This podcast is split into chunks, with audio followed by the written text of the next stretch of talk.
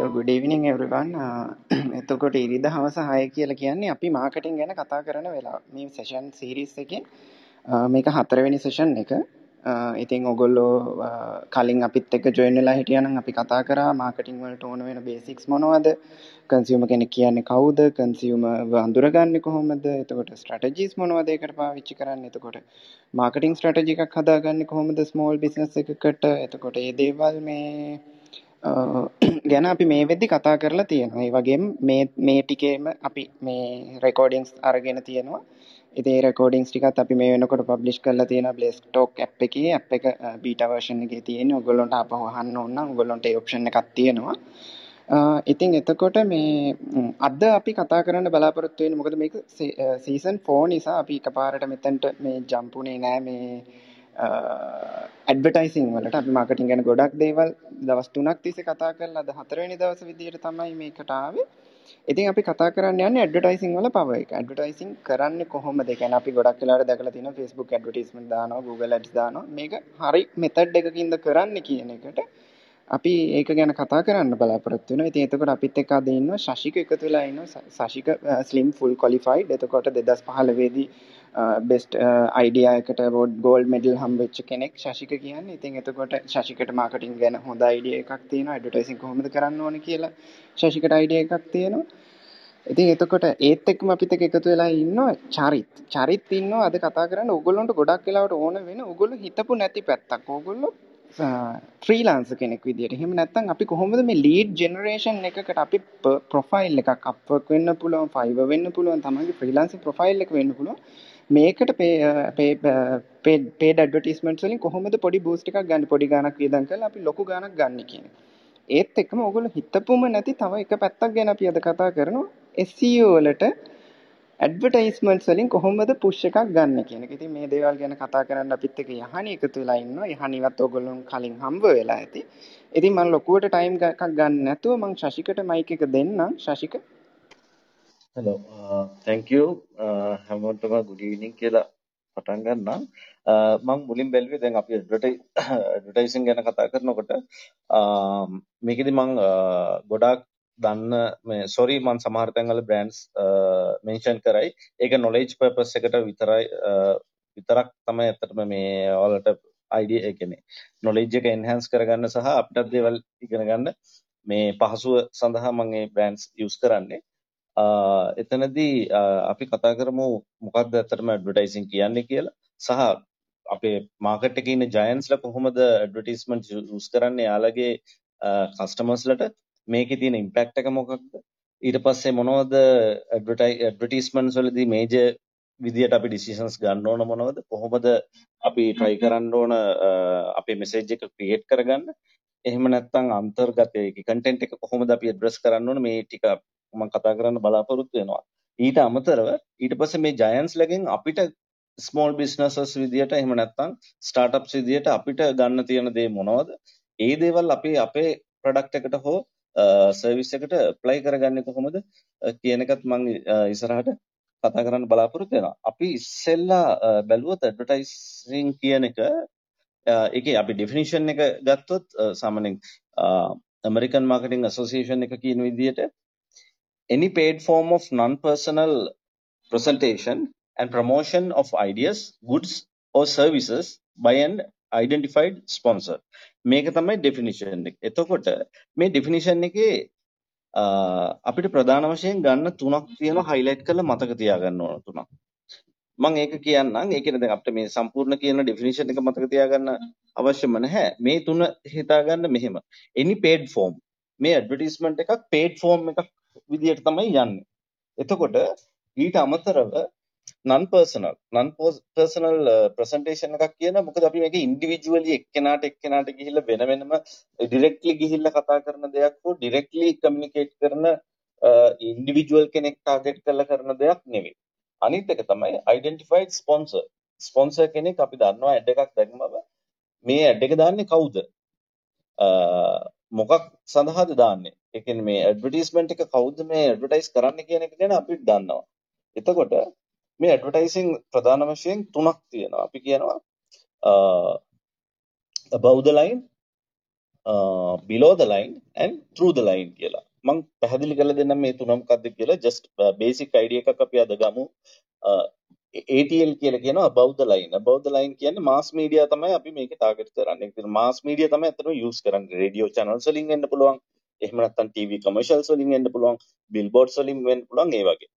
ඊට පස්සේ අපි කතා කරනවා BTL කියලා. below the line. below the line කියන්නේ ලීෆ්ලට්ස් වෙන්න පුළුවන් ස්ටිකර්ස් පෝස්ටර්ස් වෙන්න පුළුවන් ඒකේ ස්පෙසිෆික් ගෲප් එකක් තමයි අපි ටාගට් කරන්නේ. ඒ කියන්නේ ස්පෙසිෆික් ගෲප් එකකට තමයි මේ කමියුනිකේෂන් එක ඇඩ්වර්ටයිස්මන්ට් එක කරන්නේ. දැන් උදාහරණයක් හිතමු අපි ලීෆ්ලට්ස් ගත්තොත් ලීෆ්ලට්ස් හැම එක්කෙනාටම සම්පූර්ණයෙන් ලංකාවේ හැම එක්කෙනාටම අපිට මාස් මීඩියා වගේ දෙන්න පුළුවන් කමක් නැහැනේ.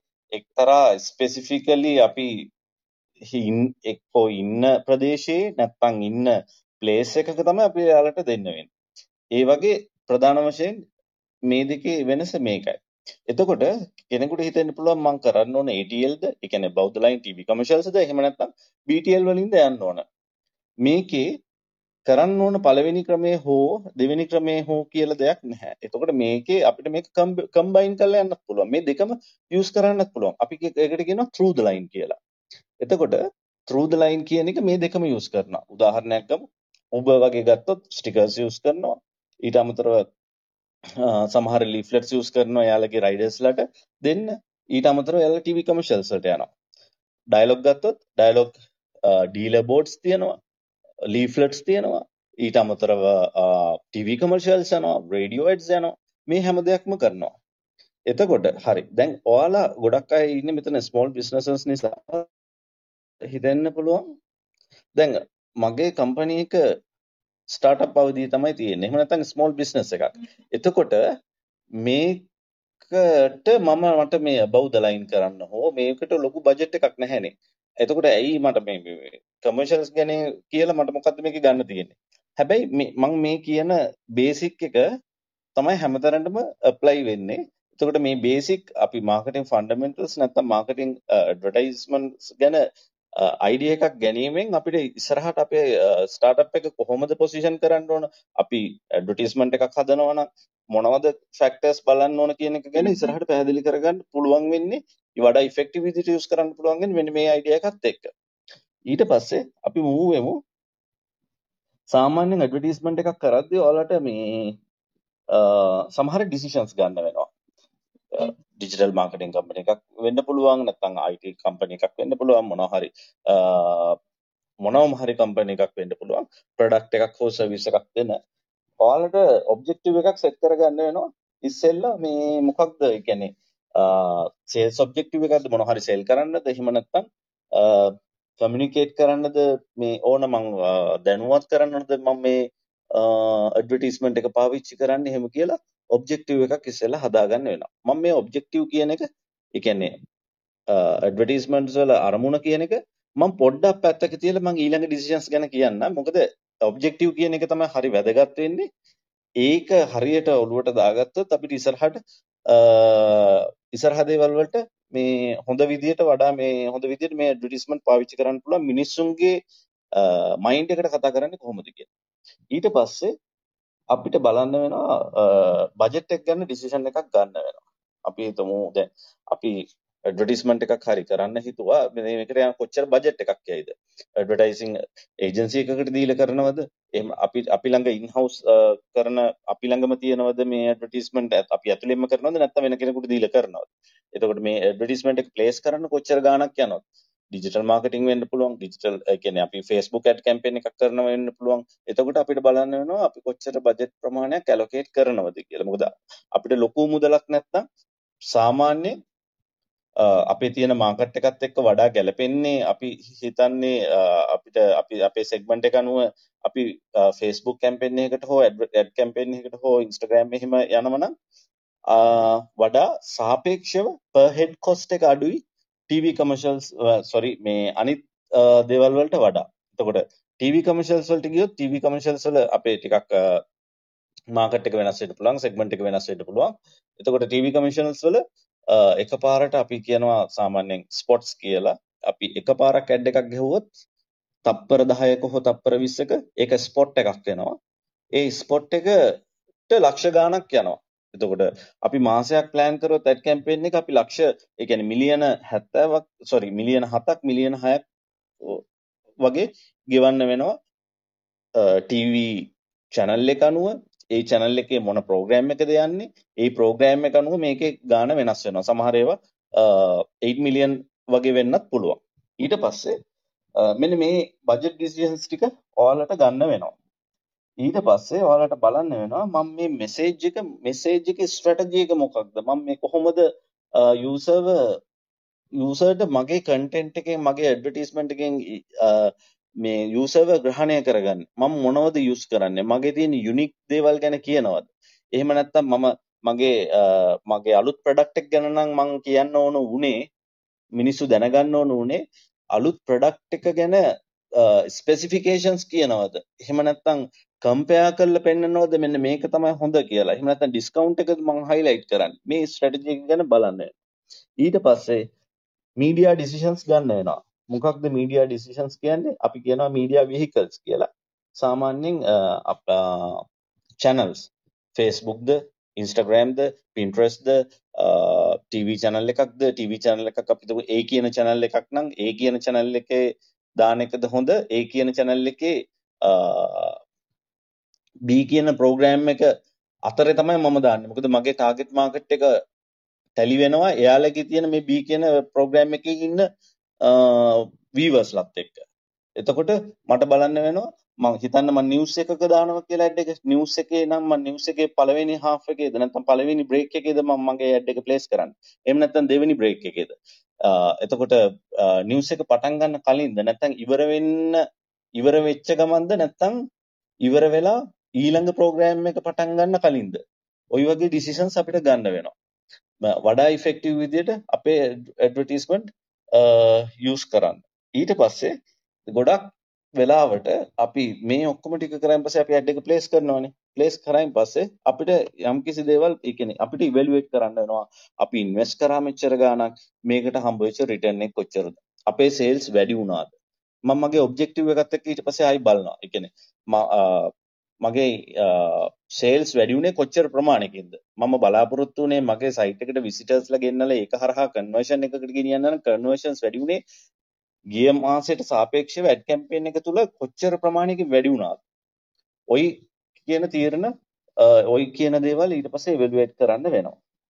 හරි. ඊට පස්සේ මම දැන් අර කලින් කිව්ව මතකයි මේ ඇඩ්වර්ටයිස්මන්ට්ස් වල ඔබ්ජෙක්ටිව්ස් ගැන මම පොඩ්ඩක් පැත්තකින් තියන්නම් මෙන්න මේක තමයි ප්‍රධාන මේ ටිකක් වේට් එකක් තියෙන දේ කියලා මම ඒකට මූව් වෙන්න ප්‍රධාන වශයෙන් ඇඩ්වර්ටයිසිං ඔබ්ජෙක්ටිව්ස් uh, අපිට තුනක් විතර බලා ගන්න පුළුවන් ඒ කියන්නේ ගොඩක් වෙලාවට 95ක් 99ක්ම මෙන්න මේ කියන කැටගරි තුනට තමයි අයිති වෙන්නේ මම කියන්න මේ කැටගරිස් තුන මේ ඔබ්ජෙක්ටිව්ස් මොනවද කියලා අපි කියනවා ඉන්ෆෝමින් කියලා ඉන්ෆෝමින් කියන්නේ uh, මිනිස්සුව දැනුවත් කරන්න යුස් කරන ඇඩ්වර්ටයිසිං ඔබ්ජෙක්ටිව් එකක්.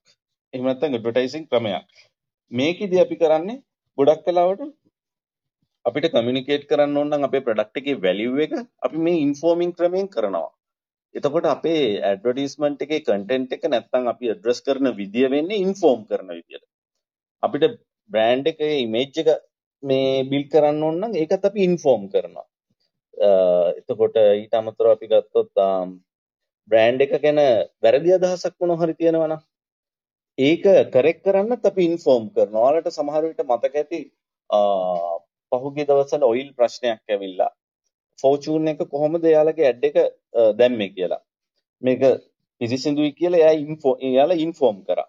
එතකොට සමාජයේ මොනවා හරි වැරදි මතයක් තියෙනවා නම් එයාලා ඉන්ෆෝම් කරලා කියනවා අපි මෙහෙමයි මේක මේකට මෙච්චර මෙහෙම සර්ටිෆිකට් එකක් තියෙනවා මෙන්න මෙහෙම සර්ටිෆිකට් එකක් ලැබුණා මෙන්න මේක මෙහෙමයි කියලා අපි ඉන්ෆෝම් කරනවා. එතකොට තව මේ ඉන්ෆෝමින් කියන ක්‍රමය අපිට පාවිච්චි කරන්න පුළුවන් අලුත් ප්‍රොඩක්ට් එකක් හිතන්න ඔයාලා ඔයාලගේ ප්‍රොඩක්ට් එකට අලුත් ෆීචර් එකක් ගේනවා. එහෙම නැත්නම් අලුත් ප්‍රොඩක්ට් එකක් ආයි මාකට් එකට ගේනවා. එතකොට මිනිස්සුන්ට මේ ප්‍රොඩක්ට් එක ගැන දැනගන්න ඕන. මේ මිනිස්සුන්ට මේ ප්‍රොඩක්ට් එක ගැන අපි ඉන්ෆෝම් කරන්න ඕන. ඉන්ෆෝම් කරොත් තමයි පස්සේ ඒක තුලින් එයාලා ටිකක් ඉඳලා මේක ගැන අයිඩියා එකක් අරගෙන මේකත් එක්ක එන්ගේජ් වෙන්න ගන්න. එතකොට අපිට මෙන්න මේ කියපු දේවල් වලට අපිට ඉන්ෆෝමින් කියන ක්‍රමය යූස් කරන්න පුළුවන්. එතකොට ප්‍රධාන ඔබ්ජෙක්ටිව් එකක් වෙන්න පුළුවන් අපේ uh, ඉන්ෆෝමින් කියන කැටගරි එක. ඊළඟ එක ගත්තොත් ඊළඟ එක අපි කියනවා පර්සුවේඩින් කියලා. පර්සුවේඩින් කියන්නේ මොකද්ද? පොළඹවනවා. අපි ඇඩ්ස් යූස් කරනවා පොළඹවන්න.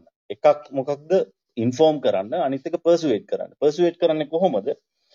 මේ මං කලින් කිව්වා මතකයි ඉන්ෆෝම් කියන එකෙන් අපි බ්‍රෑන්ඩ් ඉමේජ් එක බිල්ඩ් කරන්න uh, යොදා ගන්නවා කියලා. හැබැයි පර්සුවේඩින් කියන එකේ chance එක ඒ කියන්නේ වෙනස වෙන්නේ පර්සුවේඩින් එකේදී අපි පාවිච්චි කරන්නේ මේ බ්‍රෑන්ඩ් අතරේ ප්‍රෙෆරන්ස් එකක් ඇති කරන්න. ඒ කියන්නේ මාකට් එකේ තියෙනවා යම්කිසි බ්‍රෑන්ඩ්ස් ටිකක් ඒ අතරේ මගේ choice එකක් හදන්න. මගේ වැඩි කැමැත්තක් හදන්න මම මේ persuading කියන එක use කරනවා. දැකලා ඇති සමහර විට ඒ කියන්නේ මේ අපි හිතමු අපි මෙහෙම ගමුකෝ තව මීට අමතරව මේ මිනිස්සුන්ගේ perception එක වෙනස් කරන්න. perception එක හදන්න වගේම perception එක වෙනස් කරන්නත් මේ persuading කියන ක්‍රමය use කරනවා. එතකොට උදාහරණයක් ගත්තොත් ක්‍රීම් සෝඩා ඇඩ් එක මම කලින් දවසකත් කිව්වා. ක්‍රීම් සෝඩා එක ගොඩක් වෙලාවට යූස් කරපු ඔකේෂන් එක සමහර වෙලාවට ගොඩක් වෙලාවට නිකන් මොකක් හරි ඔකේෂන් එකක් හරි පේල් නිකන් මල ගෙදරක එහෙම දෙයක්. හැබැයි මේක එක්සයිට්මන්ට් කියන තැනට ගෙනාව යෞවනයේ පොපින චමත්කාරය කියලා එයාලගේ සෙග්මන්ට් එක වෙන තැනකට ඇඩ්‍රස් කරා. මිනිස්සු පර්සුවේට් කරා මේක හොඳ ත්‍රිලිං වෙලාවට හොඳ එන්ජොයි කරන වෙලාවට පාටි ටයිම් එකකට උනත් මේක යූස් කරන්න පුළුවන් කියන එක. ඊට පස්සේ දැන් නෙස්ට මෝල්ට් ගත්තොත් නෙස්ට මෝල්ට් ඉස්සර ටිකක් ලෙඩෙක් බලන්න යනකොට තමයි නෙස්ට මෝල්ට් එකක් ගෙනිච්ච. හැබැයි ටක් ගාලා මේක වෙනස් කරා යූත් කට්ටිය බලය ජවය ශක්තිය එහෙම කේක කමියුනිකේෂන් වලින් මේක පර්සුවේට් කරන්න ගත්තා. මේ ස්පෝටි විදියට නැත්තම් ශක්තිය ගේන්න ඒ වගේ දෙයකට. තව උදාහරණයක් ගත්තොත් මට මතක් වෙනවා මේ අපි සර්ෆ් එක්සෙල් කියමුකෝ සර්ෆ් එක්සෙල් ඉස්සර මතක ඇති. කලර්ස් එහෙම යූස් කරලා තිබුණේ බ්‍රයිට් තැඹිලි පාට බ්‍රයිට් බ්ලූ කලර් එකක් ඒ වගේම මේ රෙඩ් එකක් එතකොට ඒකෙන් මිනිස්සුන්ට අයිඩියා එකක් ගියා සහ ඉස්සර ඒ ප්‍රොඩක්ට් එක පාවිච්චි කරාමත් මිනිස්සුන්ගේ ගොඩ මතක ඇති අත්වල එහෙම ටිකක් හැම යන ගතියක් වගේ දැනුණා ඊට අමතරව ඊට පස්සේ මිනිස්සුන්ට මේ කලයකිනුත් මේ මේ මේ මේ අර ඩිටර්ජන්ට් ගතිය හොඳටම ස්ටේන්ස් ඉවත් කරන්න කියන එක පර්සනැලිටි එක තමයි දුන්නේ. එතකොට මෙයාලා මිනිස්සු හිතන්න ගත්තා යම් තාක් දුරකට මේක ස්ටේන් එකක් මෙච්චර සැරනම් ඒ කියන්නේ මගේ ඇඟිල්ලක් වුණත් මෙහෙම හිරෙන්න පුළුවන් නම් මේ මේ මේ මේ යා මේ ඩැමේජ් වෙන්න පුළුවන් නම් මේක මේකෙන් හොදපු ඇඳුම් මම ඇඳම මට කොච්චර හාම් එකක් වෙන්න පුළුවන්ද? එක පැත්තකින්. අනිත් එක මේක මේ අපි හිතමු ඒ කියන්නේ අපිට කොච්චර හාම් එකක් වෙන්න පුළුවන්ද අනිත් එක තමයි මේ බබාලගේ ඇඳුම් මොනවා හරි ඒවම පාවිච්චි කරොත් එයාලට හාම් එකක් වෙන්න පුළුවන්. ඊට පස්සේ ওই වගේ දේවල් එක්ක මිනිස්සුන්ට පොඩි ප්‍රශ්නයක් ඒ කියන්නේ perception wise ප්‍රශ්නයක් නිකන් ඔළුවට යනවා. එතකොට මෙයාලා මොකද කරේ? මෙයාලා මේකේ කලර්ස් පවා වෙනස් කරන්න ගත්තා. නිකන් රෝස පාට දැන් තියෙන කලයක බැලුවොත් ඔයාලට බලා ගන්න පුළුවන් රෝස පාට හරි අර වෝටර් ඒ කියන්නේ නිකන් අර මේ වතුර වල අර නැත්තම් මේ මේ මේ මේ ඒෂියා බ්ලූ ස්කයි කියන අපේ අපේ මේ අහසේ තියෙන නිල් පාටත් එක්ක කොළ පාට ඇඩ් කරලා පොඩි දීලා තියෙනවා අපිට ෆීලිං එකෙන්ම. මේක එහෙම සැර දෙයක් නෙවෙයි මේක හරි කම්ෆර්ට් සූදින් එහෙම නැත්තම් හරි මේ මේ සොෆ්ට් බවක් දෙන්න කියන එක. මොකද අර පර්සෙප්ෂන් එකේ මිනිස්සු ගියා නම් එයාලා තව බලනවා අපේ ඇඟිලි වලටත් මෙහෙම ප්‍රශ්නයක් වුණා නම් මේක නිතරම හොදන්න ගත්තම ඇඳුම් වලට පවා ඇඳුම් පවා ඩැමේජ් වෙන්න පුළුවන් කියලා. මෙයාලා පර්සුවේට් කරා මෙයාලගේ මේ පර්සෙප්ෂන් එක වෙනස් කරා. එතකොට හරි. දැන් අපි දැනගත්තා ඉන්ෆෝමින් වලින් කරන්න පුළුවන් පර්සුවේෂන් වලින් කරන්න පුළුවන්. ඊළඟට අපි කියනවා රිමයින්ඩින් කියලා. රිමයින්ඩින් කියන්නේ මිනිස්සුන්ට මතක් කරලා දෙන්න. මේ රිමයින්ඩින් කියන එක එක එක අවස්ථාවල වෙන්න පුළුවන්. ඒ කියන්නේ අපි හිතමු මෙහෙම දැන් සාමාන්‍ය මේ රිමයින්ඩර් කියන එක පාවිච්චි කරන්නේ මේ කස්ටමර් රිලේෂන්ෂිප්ස් මේන්ටේන් කරන්න. එතකොට මේ මොන මොන වෙලාවටද මේ ඔයාගේ ප්‍රොඩක්ට් එක ගන්න ඕන වගේ? දැන් පහුගිය දවස්වල බැලුවොත් ඔයාලට මතකයි කොවිඩ් එක්ක ලයිෆ් බොයි ගොඩක් යූස් කරන්න ගත්තා මේ එයාලගේ මේ එයාලා මේ රිමයින්ඩින් කියන එක පාවිච්චි කරා මේ නිතරම අත් සෝදන්න කියන එක මිනිස්සුන්ට මතක් කරනවා මේ වෙලාවේ මේ කාලය අමාරුයි කාලය දරුණුයි නිතර මත් සෝදන්න. මිනිස්සුන්ට එතකොට හැමතිස්සෙම ඔළුවේ තියෙනවා මේක රිමයින්ඩ් කරලා තියෙන්නේ. මේක යූස් කරන්න මේක යූස් කරන්න මේ වගේ මේ ඔයාට සේෆ්ටි එකට ඔයාගේ හෙල්ත් එක ගැන හිතලා කියලා. ඊට පස්සේ තව ගත්තොත් මේ ටික කාලෙකට කලින් ගියොත් ඔයාලට මතක ඇති DCD ප්‍රශ්නයක් ආවා මේ එතකොට ෆොන්ටේරා බ්‍රෑන්ඩ් එක කොහොමද හැසිරුනේ සහ බිහේව් කරේ කියලා හරි හොඳට මේ ටැකල් කරේ කොහොමද මේ ඇඩ්වර්ටයිස්මන්ට් හරහා කියලා. ඒ දවස්වල මිනිස්සුන්ගේ ලොකු මතයක් ගියා මේ බ්‍රෑන්ඩ් එක හරියන්නේ නැහැ කියලා. මොකද ඒ ආපු ප්‍රශ්නත් එක්ක. එතකොට DCT ප්‍රශ්නත් එක්ක. එතකොට මෙයාලා කරේ මේ ඇඩ්ස් ඔක්කොම නැවැත්තුවා. නැවැත්තුවේ ඇයි? ටීවී එකේ යන ඔක්කොම ඇඩ්ස් ටික නැවැත්තුවා මතකනම් ඒ කාලය ඇතුළත මොකද මේ ප්‍රශ්නය ලොකුවට ඒ කියන්නේ හරි හීටින් ඩිස්කෂන් එකක් වෙච්ච වෙලාවක අපි ඇඩ් එක දැක්කනම් අපේ තියෙන ඇග්‍රෙෂන් එක තවත් මේ බ්‍රෑන්ඩ් එක පිටින් යනවා. ඇන්කර් එකේ. එතකොට ඉතින් එතකොට මේ මේක නිසා මේ මාසයක් විතර නැවැත්තුවා. මාසයක් එකහමාරක් දෙකක් සියලුම ඇඩ්ස් නැවැත්තුවා. නවත්තලා එයාලා එයාලගේ ප්‍රොමෝෂනල් ටූල් එකක් වෙන ඇඩ්වර්ටයිස්මන්ට් වෙනුවට ඇඩ්වර්ටයිසින් වෙනුවට ප්‍රොමෝෂනල් ටූල් එකේ අනිත් එකට මූව් වුණා එයාලා PR පබ්ලික් රිලේෂන්ස් කියන එකට. පබ්ලික් රිලේෂන්ස් වලදී මොනවද මෙයා කරේ ප්‍රෙස් කන්ෆරන්ස් කරන්න ගත්තා. ප්‍රෙස් කන්ෆරන්ස් වල මොනවද කිව්වේ? ෆැක්චුවල් ඩේටා විතරයි. ෆැක්චුවල් ඩේටා වල දුන්නේ මෙන්න මෙච්චර පර්සන්ටේජ් එකක් අපේ තියෙනවා මෙච්චර පර්සන්ටේජ් එකක් මේ මේ අදාළ මේ දේවල් තියෙනවා අපිට මෙන්න මේ සර්ටිෆයි සර්ටිෆිකේෂන් එක ලැබිලා තියෙනවා ඒ දේවල් විතරයි. එතකොට අපි ඇඩ්වර්ටයිස්මන්ට්ස් එයාලා ඇඩ්වර්ටයිස්මන්ට්ස් දාන්න ගියේ නැහැ. ඊට පස්සේ මේ හීටින් පොයින්ට්ස් ටික ඔක්කොම අඩු වුණ අඩු වෙනවත් එක්කම ඔයාලට මතක නම් ඇන්කර් එකෙන් දාපු මුල් මැඩ් එක මොකක්ද? මේ ඉස්සරම 1990 ගණන් වල ගියපු එකක් දාන්න ගත්තා. අම්මා අපේ හරි හොඳයි කියලා මතකද දන්නේ. අම්මා අපේ හරි හොඳයි කියලා ඒ කාලේ එතකොට මිනිස්සුන්ට දැනෙනවා ආ ඒ කාලේ මම අවුරුදු 10 දී 12 දී බිව්වෙත් මේ කිරි පැකට් එකම තමයි. අපි දැන් ඉන්නවා අපිට මුකුත් වෙලා නැහනේ. මේ අම්මගේ තියෙන ආදරයත් එක්ක ගොඩක් ඇටච් වෙලා ඉන්නේ මිනිස්සු. එතකොට අම්මා අපිට ඇන්කර් එක දුන්නේ අපි ගැන අපි ගැන අපිට ඩැමේජ් එකක් නැත්නම් අපිට මොන හරි හාම් එකක් කරන්න නෙවෙයි. මෙන්න මේ ඉමෝෂනල් බොන්ඩ් එක මතක් කරා. එතකොට අපි පොඩි කාලේ හිටපු ළමයා කද වෙනකොට මොකුත් ප්‍රශ්නයක් වෙලා නැහැ. මට මතක් කරා මගේ පොඩි කාලේ මාව ගෙනිච්ච පොඩි කාලෙට. එතකොට මගේ මේ ඉමෝෂනල් ට්‍රිගර් එක ඉමෝෂන්ස් ට්‍රිගර් කරා. ඔන්න ඕකෙන් රිමයින්ඩින් කියන එක හැදුවා. එතකොට ඔයාලට තේරුම් ගන්න පුළුවන් මේ රිමයින්ඩින් කියන එකත් කොච්චර වැදගත්ද සහ කොච්චර පවර්ෆුල්ද කියන එක. අනිත් ක්‍රම දෙක වගේම වෝක් ජුවලර්ස් ගත්තොත් වෝක් ජුවලර්ස්ලා ළඟදී කරපු ඇඩ් එක එයාලගේ රත්තරන් කොහොමද බබෙක් ඉපදුනයින් පස්සේ එයාලා මේ ගෑනු ළමයාගේ කන විදීම නැත්තම් එතකොට රින් මම සෝරි ඉයරින් එක. ඊට පස්සේ පියුබර්ටි එකට එනකොට එතකොට දෙපු ජුවලරි ඊට පස්සේ වෙඩින් එක වෙනකොට ජුවලරි එතකොට මේ එයාලගේ මාකට් එකේ ඉන්න මේ ගෝල්ඩ් මේ සල්ලි දීලා ගන්න අයට මාකට් එකට එයාලට අයිඩියා එකක් රිමයින්ඩ් කරා. මේ වාගේ මේ මුළු කාලේ අවදි ඔක්කොම පාස් කරේ මෙන්න මේ මේ මේ වෝක් ජුවලර්ස් එක්ක. එතකොට මෙන්න මෙච්චර හිස්ටරි එකක් තියෙනවා වෝක් ජුවලර්ස් එකේ අවුරුදු ගානක. එතකොට ඒ අවුරුදු ගානක් තිස්සේ ඒ ට්‍රස්ට් එක තියලා තියෙනවා. මේ එතකොට ඒ ඒ ෆීලිං එක මේ රිමයින්ඩින් කියන එකෙන් දෙනවා. එතකොට තව එක උදාහරණයක් මම කියන්න මට තව එකක් මතක් වෙනවා. පහුගිය දවස්වල මේ මතක් කරා Uberලා. Uber මේ පැන්ඩමික් එකත් එක්කම කිව්වා හරි ලස්සන ඇඩ් එකක් ගෙනාවා. දැන් Uberලයි මොකද්ද වුනේ? Uberලට ඒ කියන්නේ Uber සර්විස් එක යූස් කරන්න විදියක් නැහැනේ මේ පැන්ඩමික් එක වෙලාවේ. හැබැයි එයාලට මේ පැන්ඩමික් එකේ යූස් කරන්න බැරි වීම එයාලා හරි ලස්සනට කමියුනිකේට් කරා. කොහොමද කමියුනිකේට් කරේ? මේ රිමයින්ඩින් කියන එක යූස් කරා. මිනිස්සුන්ට කිව්වා stay home for those who can't. ඒ කියන්නේ එළියට යන්න වෙන අය ඉන්නවනේ ගෙදර ඉන්න බැරුව. ඒ කියන්නේ නර්ස්ල වෙන්න පුළුවන් ඩොක්ටර්ස්ල වෙන්න පුළුවන් හෙල්ත් ඔෆිසිියල්ස්ල වෙන්න පුළුවන් ඒ අය වෙනුවෙන් ගෙදර ඉන්න. හැමතිස්සම් මතක් කර ඔයාලා ගෙදර ඉන්න ස්ටේ හෝම් ස්ටේ හෝම් කියන එක. එතකොට මේකෙන තේරෙනවා ඔයාලට මේ කොච්චර පවර්ෆුල් විදියට හරි ටැක්ෆුල් විදියට ස්ට්‍රැටජික් විදියට ඔයාලගේ කමියුනිකේෂන් එක කරන්න පුළුවන්ද මේ ඇඩ්වර්ටයිසින් හරහා කියලා. ඊට පස්සේ අපි බලමු කොහොමද මේ මං ඊළඟට පොඩ්ඩක් කතා කරන්න ඇඩ්වර්ටයිසින් ෆනල් එකක් තියෙනවා. මං ජස්ට් නේම්ස් කිය මේ පොඩ්ඩක් මං බ්‍රීෆ් එකක් දෙන්නම්.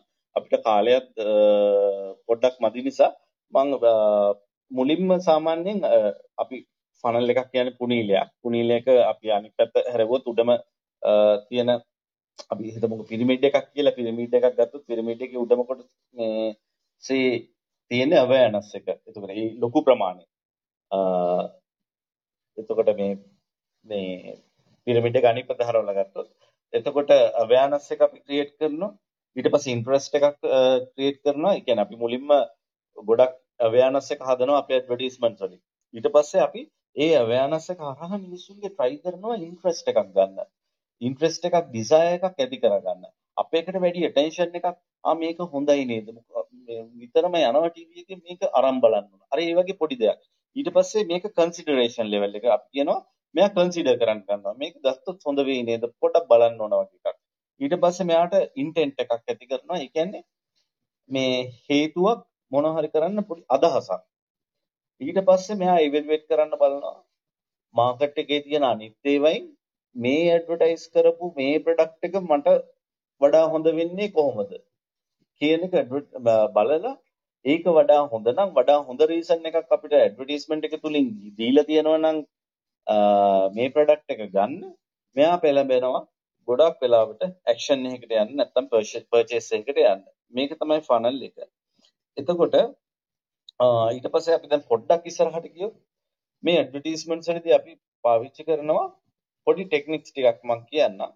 මේ අපීල්ස් කියලා. අපීල්ස් කියන්නේ ධනවන් කියන්නේ අපි කෙනෙකුට මේ ඇඩ්වර්ටයිස්මන්ට් එකකින් ධනවනවා සමහර දේවල්.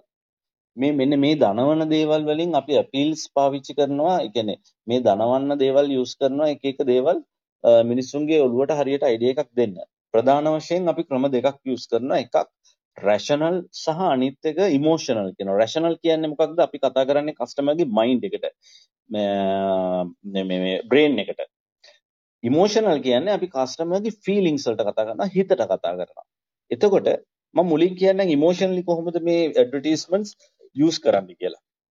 ඉමෝෂනලි අපිට පුළුවන් තරහක් තරහක් තුලින් අපේ බ්‍රෑන්ඩ් එක මේව කරන්න. දැන් කෙනෙකුට හිතන්න පුළුවන් තරහක් කිව්වම අපි හැමතිස්සෙම බලන්න ඕන බ්‍රෑන්ඩ් එකත් එක්ක මේ සතුටක් නිර්මාණය කරන්නනේ. ඇයි මේ තරහකින් එතකොට මගේ බ්‍රෑන්ඩ් එකට තරහක් ඇති වේද? මෙහෙමයි. උදාහරණයක් කියමු මෙහෙම. දැන් අපි හිතන්න මෙහෙම දැන් අපි හිතමු අයන් එකක් කියලා. මොකක් හරි අයන් එකක් තියෙනවා. ඔයාට කම්පෙයාර් කරලා පෙන්වන්න පුළුවන්. මාකට් එකේ තියෙන සාමාන්‍ය අයන් එකක් ගත්තම ඔයා ගෙදර ඉඳන් අයන් කරනවා. අයන් කරලා ඔයා ඉන්ටර්විව් එකට යනවා. බස් එකේ යද්දි නැත්නම් පබ්ලික් ට්‍රාන්ස්පෝර්ට් නැත්නම් කායකේ යද්දි මගට යනකොට ඔයාගේ ඇඳුම පොඩි වෙලා. එතකොට ඔයාට එක අපි එක කැරක්ටර් එකක් ගන්නවා අපි හිතමු B කියන මයිකල් කියන කැරක්ටර් එක ගත්තා නම් මයිකල්ට තරහ යනවා. එතකොට එයාට මොකද වුනේ? එයාගේ එක්ස්පීරියන්ස් එක හරි ගියේ නැහැ. මොකද එයාගේ ඒ බාල ප්‍රොඩක්ට් එක නිසා. ඊට පස්සේ ඔයා පෙන්නනවා මගේ ප්‍රොඩක්ට් එක A කියන ප්‍රොඩක්ට් එක මගේ සෑම් කියලා හිතන්න. සෑම් ගන්නවා මගේ ABC කියන අයන් එක අයන් එක පාවිච්චි කරනවා. මෙන්න මේ මෙයා ගිහිල්ලා ඉන්ටර්විව් එකක් පාස් වෙලා එනවා. එතකොට මම අතන ඇග්‍රෙෂන් එක අතන ඇති කරපු එකට ඇග්‍රෙෂන් එක පොඩ්ඩක් ආපු ගමම්ම ඉමෝෂන් එක මගේ මයින්ඩ් එකේ හදපු ගමම්ම මම ටක් ගාලා සොලියුෂන් එක දෙනවා. සොලියුෂන් එක දීලා මගේ බ්‍රෑන්ඩ් එක එතන පොසිෂන් කරනවා. මෙන්න මෙහෙමයි අයිඩියා ෆෝමේෂන් මේ පර්සෙප්ෂන් ෆෝමේෂන් එකට මේක ඇඩ්වර්ටයිස්මන්ට් පවර්ෆුල් වෙන්නේ. ඊට අමතරව අපිට පුළුවන් හියුම අපි කියනවා නිකන් සතුට නැත්තම් විහිළු දෙකින් යූස් කරනවා. සමහර ඇඩ් දැකලා ඇති හරි විහිළුයි. ඒ ඒ ඉමෝෂන් එක ගෙනල්ලා එතන ඇඩ් එක ප්ලේස් කරනවා. දැන් කොකා කෝලා වගේ එකක් ගන්න, මැක්ඩොනල්ඩ්ස් වගේ එකක් ගන්න, මැක්ඩොනල්ඩ්ස් වගේ එකක් ගන්න. එතනදී ඔයාට යූස් කරන්නේ මේ හැපිනස්. එතකොට හරි මේ සතුටු හිතන ඒ කියන්නේ එන්වයරන්මන්ට් එකද මේ මේ ටුගෙදර්නස් ලව් කියන ওই හැම එකක්ම තමයි ඇඩ් එකෙන් පෙන්වන්නේ. එතනදි පෙන්වන්නේ නැහැ කෙනෙක් ගිහිල්ලා අඬනවා, හරි දුකෙන් ඉඳලා දුකට සොලියුෂන් එකක් දෙනවා කියන එක එතන පෙන්වන්නේ නැහැ. මොකද මැක්ඩොනල්ඩ්ස් එකේ බ්‍රෑන්ඩ් අයිඩෙන්ටිටි එකක් තියෙනවා. මැක්ඩොනල්ඩ්ස් කියන්නේ හැපිනස්, එක්සයිට්මන්ට්, ටුගෙදර්නස් මේවා ගැන කතා කරන බ්‍රෑන්ඩ් එකක්. මෙයාලා කෙනෙක්ව පර්සුවේට් කරනවා නැත්නම් පොළඹවනවා මෙයාගේ ඉමෝෂන්ස් හරහා ඒ කියන්නේ අපි පාවිච්චි කරන අර අපීල්ස් වලින් එතකොට බය ඇති කරන එකට මට තව එකක් මතක් වෙනවා. බය හරහා මේ ඉන්ෂුරන්ස් කම්පැනිස් බලන්න ඔයාට හැමතිස්සෙම බය ඇති කරන්නේ. දැන් හෙට ඔයාට මොකක්ද හෙට ඔයාටගේ ජීවිතේට මොන හරි වුණොත් මොකද වෙන්නේ? ෆැමිලි එකට මොකද වෙන්නේ? බය ඇති කරනවා. ඒ බය ඇති කරලා සොලියුෂන් එක දෙනවා. මෙන්න මේක තමයි කියලා. මෙන්න මේ අපීල්ස් යූස් කරන්න පුළුවන්. එකක් දෙකක් නෙමෙයි ගොඩාක් අපීල්ස් තියෙනවා. තමන්ගේ බ්‍රෑන්ඩ් එකට සහ මං අර කලින් දවසේ මං ගොඩාක් මේ පැහැදිලි කරලා දුන්නා segmentation targeting and positioning කියලා. මේක ගැන හරියට අයිඩියා එක ගත්තයින් පස්සේ අපි මේ ඇඩ්වර්ටයිස්මන්ට් වලට එනවා ඇඩ්වර්ටයිසින් කරන්න එනවා. එතකොට ඇඩ්වර්ටයිස්මන්ට් වලදී අපිට ඒකට අදාළව අපි මොන අපීල් එකද පාවිච්චි කරන්නේ කියලා ඔයාලට අයිඩියා එකක් ගන්න පුළුවන් හරි විදිහට අලයින් කරලා. ඊට අමතරව මියුසිකල් අපීල් කියනවා. උදාහරණයක් මම ටිකක් වේගින් කියන්න. මේ ළඟදී තිබිච්ච හොඳ ෆේමස් වෙච්ච ඇඩ් එක තමයි මන්ද පමා කියන එක. එතකොට මේ මන්ද පමා එක මිනිසුන්ගේ හිතේ හැමතිස්සම මයින්ඩ් එකේ රෙජිස්ටර් වෙච්ච සින්දුවක්. මේක එතකොට මේක ඩයලොග්ල පාවිච්චි කරා එයාලගේ මේ සෝෂල් මීඩියා පැකේජ් එක ප්‍රමෝට් කරන්න. ඇයි මේ සෝෂල් මීඩියා ප්‍රමෝට් කරන්න මේ සෝෂල් මීඩියා වැඩියම යුස් කරන්නේ මේ තරුණ අය. එතකොට මෙයාලට දෙන්න පුළුවන් හොඳම ළඟම මියුසික මේ මියුසික් එකත් එක්ක කපල් කරා අපේ මයින්ඩ් එක. මේ මන්ද පමා කියන එක ගොඩාක් තරුණ අය අතර ප්‍රචලිත වුණා. එතකොට එයාලත් එක්ක මෙයා එයාලගේ ෆීලිං එක එනවා එක්සයිට්මන්ට් මන්ද පමා සින්දුව නිකන් ඉන්න වෙලාවට කියන්නේ නිකන් කිව්වත් පොඩි එක්සයිට්මන්ට් එකක් හැපිනස් එකක් ත්‍රිල් එකක් එනවනේ. මෙන්න මේ ඉමෝෂන් එකේ වාසිය සින්දුවෙන් අරගෙන සින්දුවත් එක්කම අපි අපේ මේ අපේ ප්‍රොඩක්ට් එක අවශ්‍ය ටාගට් මාකට් එකට අපේ සෙග්මන්ට් එකට අපි මේක මේ හරියට ඇඩ්‍රස් කරා. ඊට පස්සේ මම කියන්න රැෂනල් ගැන. රැෂනල් කිව්වේ මම කොහොමද? රැෂනල් කියන්නේ අපි කතා කරන්නේ මයින්ඩ් එකට. එතකොට මයින්ඩ් එකේදී අපි ගොඩක් වෙලාවට කරන්නේ ඇඩ්වර්ටයිස්මන්ට් එකේ අපි පේන් එක පෙන්නනවා. කස්ටමර්ගේ පේන් එක මොකද්ද? පේන් එකට සොලියුෂන් දෙනවා. එතකොට යූසර් බලනවා නැත්නම් කස්ටමර් බලනවා මගේ මට මෙහෙම ප්‍රශ්නයක් තියුණ ඇත්ත තමයි මෙන්න මේකට මේකේ සොලියුෂන් එක දෙනවා කියන එක. එතකොට ඊට අමතරව අපි සමහර වෙලාවට රැෂනලි කතා කරනවා අපි ඔයාලා දැකලා ඇති අපි කියනවා මේ අපි නිකන් හිඟයක් පෙන්නනවා. ඒ කියන්නේ අපි කියමු පැකේජ් එකක් දෙනවා නැත්නම් මොකක් හරි අයිටම් එකක් දෙනවා limited uh, products available until 30th of July එහෙම කියලා. අපි පෙන්නනවා 30 30th වෙනකන් ඔයාලට ගත්තොත් ඔයාලට වාසියක් තියෙනවා. එහෙම නැත්නම් ඔයාලට මේක හම්බ වෙන්නේ නැහැ. මම එතන පොඩ්ඩක් හිඟ බවක් පෙන්නනවා එයාගේ ඔළුවට දෙනවා. එතකොට එයා කල්පනා කරනවා ආ මට මේ දවසේ ගන්න බැරුණොත් ගන්න වෙන්නේ අපරාධ මේ chance එක ගන්න ඕන.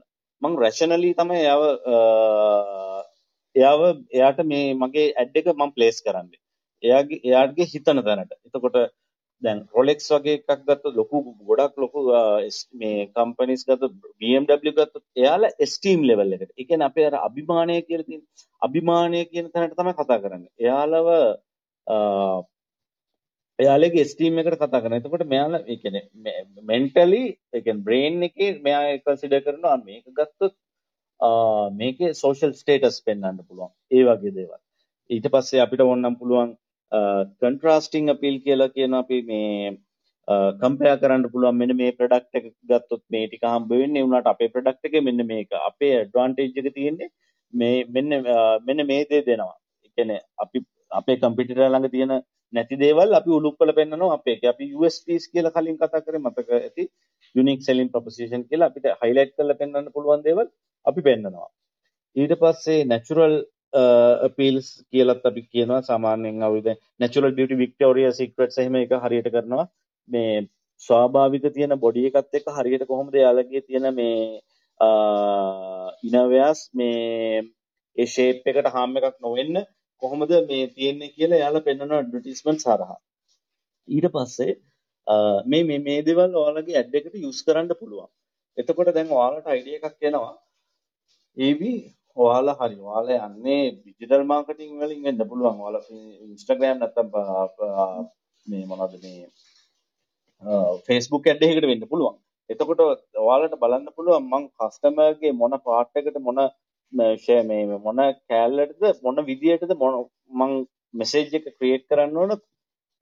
රැෂනල් පැත්තටද ඉමෝෂනල් පැත්තටද? ඉමෝෂනල් පැත්තට කරනවා නම් මම මොන පීල්ස්ද පාවිච්චි කරන්න ඕන?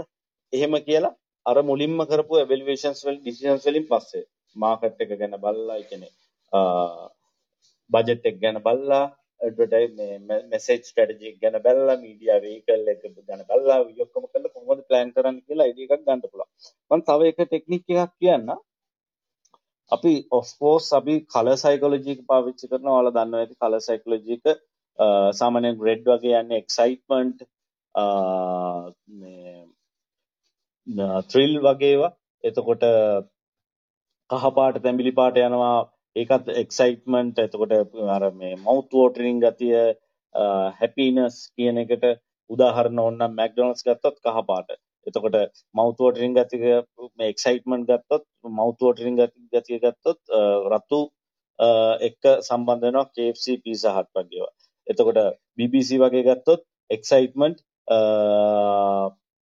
එක බ්‍රේකින් නිවස් එක්සයිට්මන්ට් CNN ගත්තොත් රතු. ওই වගේ දේවල්. අපි මේ කලර්ස් වලිනුත් ඉම්පැක්ට් එකක් තියෙනවා.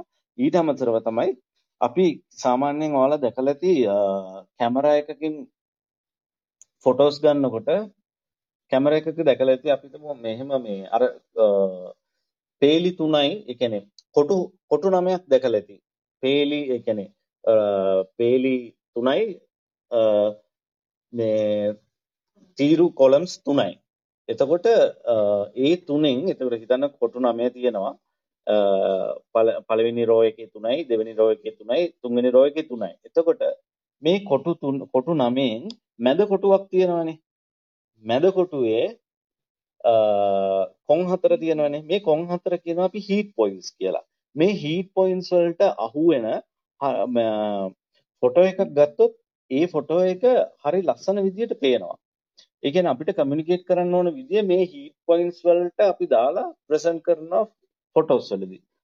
එතකොට මේක මේ වඩා හොඳට පැහැදිලි කරලා දේවි චරිත් සහ මං හිතන්නේ මේ කැල්විලිනොත් ඉන්නවා පල්ලෙහා පුළුවන් වුණොත් කතා කරයි.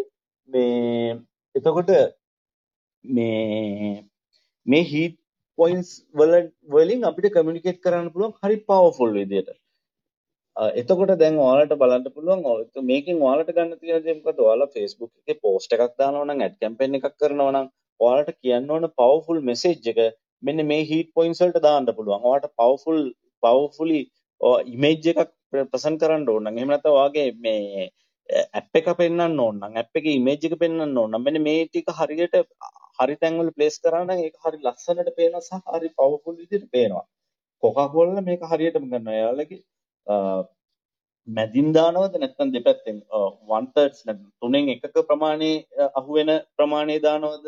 මේ කෝක් එක නැත්නම් තුනෙන් දෙකක අහුවෙන ප්‍රමාණය දකුණු පැත්තට වෙන්න අර අර කියන හීට් පොයින්ට් එකේ මේ කොකාකෝලා එක පෙන්නනවද කියන එක.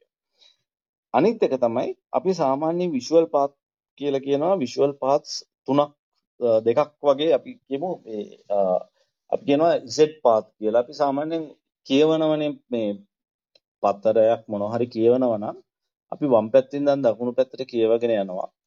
ගිහිල්ලා දෙවෙනි පේලියට එනකොට අපි වම් පැත්ත කොනට එනවා. ආයි දකුණු පැත්තේ කොනට ආයි පේලිය කියවගෙන මේක සෙට් එකක් වගේනේ. එතකොට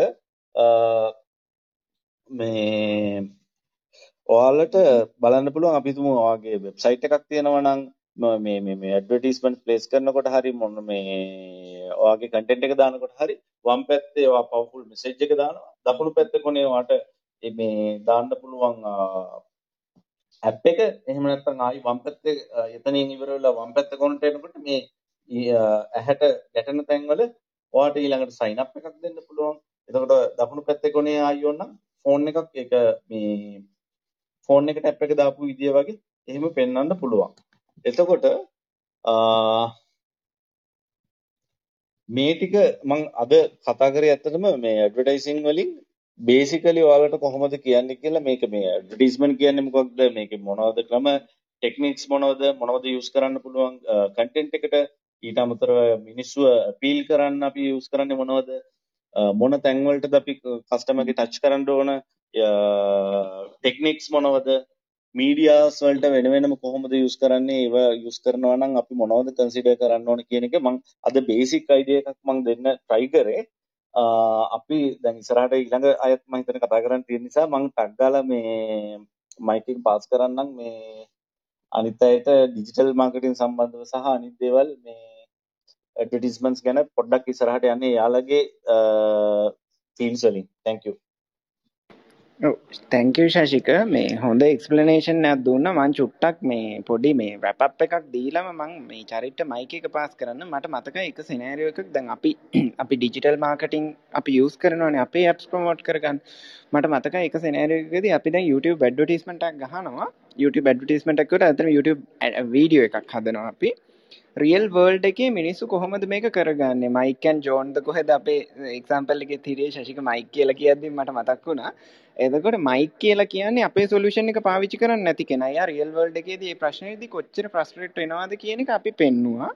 ඊට පස්සේ ජෝන් කියන කෙනා අපේ සොලියුෂන් එක පාවිච්චි කරාම අපි කොච්චර ඊසිලි යාගේ ලයිෆ් එක මේ ලේසි කරගත්තද ඒ සොලියුෂන් එක ඇප්ලයි කරගත්තද කියන එක වගේ. එතකොට දැන් ඕගොල්ලෝ මේක හිතන්න හැමතිස්සෙම ඇඩ්වර්ටයිස්මන්ට් එකට යන්න කලින් අපි ක්‍රියේටිව් එක හදද්දි මේවා ඇප්ලයි වෙන්න ඕනේ. ඊට පස්සේ දැන් ඔගොල්ලෝ දන්නවා දැන් ඔගොල්ලෝ කතා කරනවා ඉන්ෆ්ලුවෙන්සර් මාකටිං කියලා කියන්නේ ඉන්ෆ්ලුවෙන්සර් මාකටිං කියලා කියන්නේ ඇඩ්වර්ටයිස්මන්ට් එකක එක මේව එකක්. ඒ කියන්නේ දැන් අපි ඇත්තට මේකටත් පේ කරන්න ඕනේ. එතකොට මේ ක්‍රියේටිව් එක හදද්දි අපි මේ ශෂික කියපු දේවල් ඇත්තටම කන්සිඩර් කරන්න ඕනේ. ඒකයි තව එක ටිප් එකක් මම දෙන්නම් චරිට දෙන්න කලින් මේ අපි මේ ළඟදි දවසක කියන්නේ දැන් මාස 3-4කට උඩදී අපි හොයාගත්තා මේ call to action buttons රතු පාටින් දැම්මම ක්ලික් වෙනවා වැඩි කියලා. ඉතින් අපි ඇත්තටම ගොඩක් වෙලාවට අපේ ඔළුවේ තියෙන්නේ රතු පාට කියන්නේ ඩේන්ජර් කියලා. ඩේන්ජර් ක්ලික් කරන්න එපා ළඟට යන්න එපා කියලා. හැබැයි අපි එක්ස්පෙරිමන්ට් එකක් කරලා අපි තීරුම් ගත්තා. රෙඩ් කියන්නේ ක්ලිකබල් කලර් එකක්. ඒ කියන්නේ මිනිස්සු ටක් ගාලා ක්ලික් කරනවා. රතු පාට දැක්කම ඒගොල්ලෝගේ ඇටෙන්ෂන් එක ඒකට ග්‍රැබ් වෙනවා කියලා. ඉතින් මේ වගේ චූටි චූටි දේවල් තියෙනවා මේ ඇඩ්වර්ටයිස්මන්ට්ස් හදද්දි ක්‍රියේට් කරද්දි බලන්න ඕනේ. වැරදි තැන් වලට රතු පාට දාගන්න කියලා නෙමෙයි මම කියන්නේ. හැබැයි මේ වගේ දේවල් බලන්න පුළුවන් කියලා. ඉතින් එතකොට මේ ඕගොල්ලෝ ගොඩක් කට්ටිය ඩිජිටල් මීඩියා එතකොට මේ ෆ්‍රීලාන්සින් මේ වගේ ප්ලැට්ෆෝම්ස් වල ඉන්න නිසා ඕගොල්ලොන්ගේ මේ කැරියර් එකට එහෙම නැත්නම් ඕගොල්ලොන්ගේ ප්‍රොඩක්ට් එකට ඕගොල්ලොන්ගේ බිස්නස් එකට මේ ශාසික දීපු ෆන්ඩමෙන්ටල්ස් පොයින්ට්ස් කොහොමද ඇප්ලයි කරගන්නේ කියන එක ඕගොල්ලෝ ටිකක් හිතන්න. අපි අනිවාර්යෙන් ඉස්සරහට ලබන සතියේ මේක එක්ස්ටෙන්ඩ් කරලා තව චුට්ටක් ඉස්සරහට කතා කරනවා. මොකද සමහර විට අද අපිට Q&A එකක් දෙන්න බැරි ask anything about marketing වගේ සෙෂන් එකක් අපි මේ ලබන සතියේ දාගන්න බලාපොරොත්තු වෙමින් ඉන්නවා. ඉතින් චරිත ලෑස්ති වෙලා ඉන්නවා කොහොමද මේ මාකටිං වල ඉතිරි ටික ඩිසයින් පර්ස්පෙක්ටිව් එකකින් කොහොමද යන්නේ? එහෙම නැත්නම් ඊළඟට ලීඩ්ස්ලා කොහොමද ජෙනරේට් කරගන්නේ? ඕගොල්ලෝගේ ප්‍රොෆයිල් එකකට වෙන්න පුළුවන්. ඕගොල්ලෝගේ මේ බ්‍රෑන්ඩ් එකකට වෙන්න පුළුවන්. ඒ ටික චරිත පොඩ්ඩක් කතා කරන්න බලාපොරොත්තු වෙනවා Charith? Hello uh, uh, Masanka බොහොම ස්තුතියි uh, මට අවස්ථාව ලබා දුන්නට.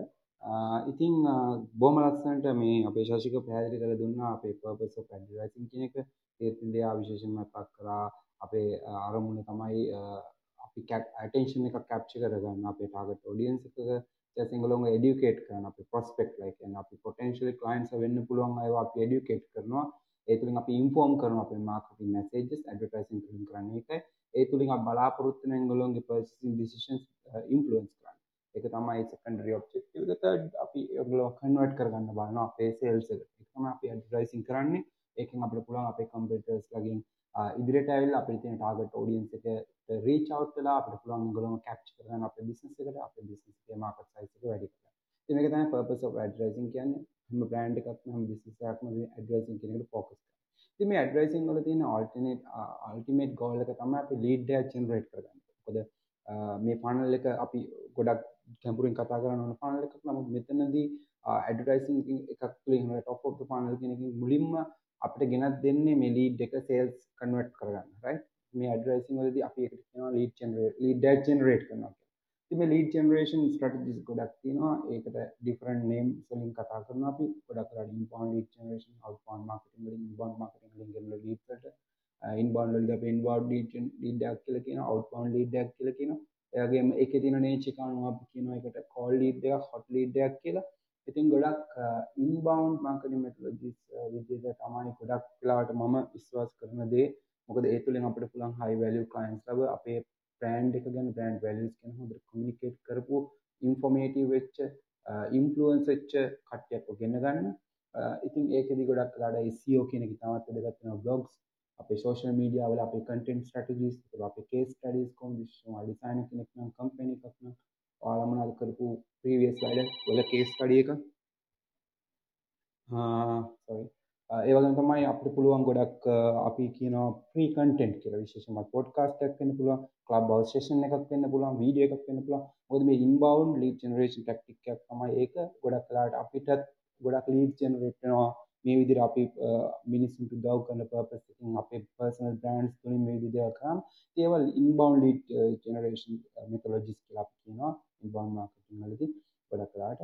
ඊට පස්සේ අපිට තියෙනවා අවුට්බවුන්ඩ් ලීඩ් ජෙනරේෂන් එතනදි තමයි ගොඩක් වෙලාවට බහුතරය ගොඩක් අය කරන්නේ cold calling and cold emailing කියන. අපි කෙලින්ම ඒගොල්ලන්ට reach out වෙන අපේ prospect වලට directly අපේ sales message එකත් එක්ක. එතනදී අපි brand awareness එකක් create කරනවත් මොකක්වත් කරන්න යන්නේ කෙලින්ම අපි අපේ sales messages කියලා අපි sale එකක් close කරගන්න හදන්නේ. ඔය insurance එහෙම කරන කට්ටිය ගොඩක් වෙලාවට මේ cold calling cold email වගේ දේවල් කරනවා. ලංකාවේ විශේෂයෙන්ම ඊට පස්සේ තියෙන වැදගත් uh, point එකක්. ඒක තමයි අපේ paid advertising කියලා. පේඩ් ඇඩ්වර්ටයිස්මන්ට්ස් කියලා කියන්නේ. ඒකට කියනවා uh, පේඩ් ඇඩ්ස් තියෙනවා. ඒක තමයි PPC කියලා තියෙනවා. pay per click ads.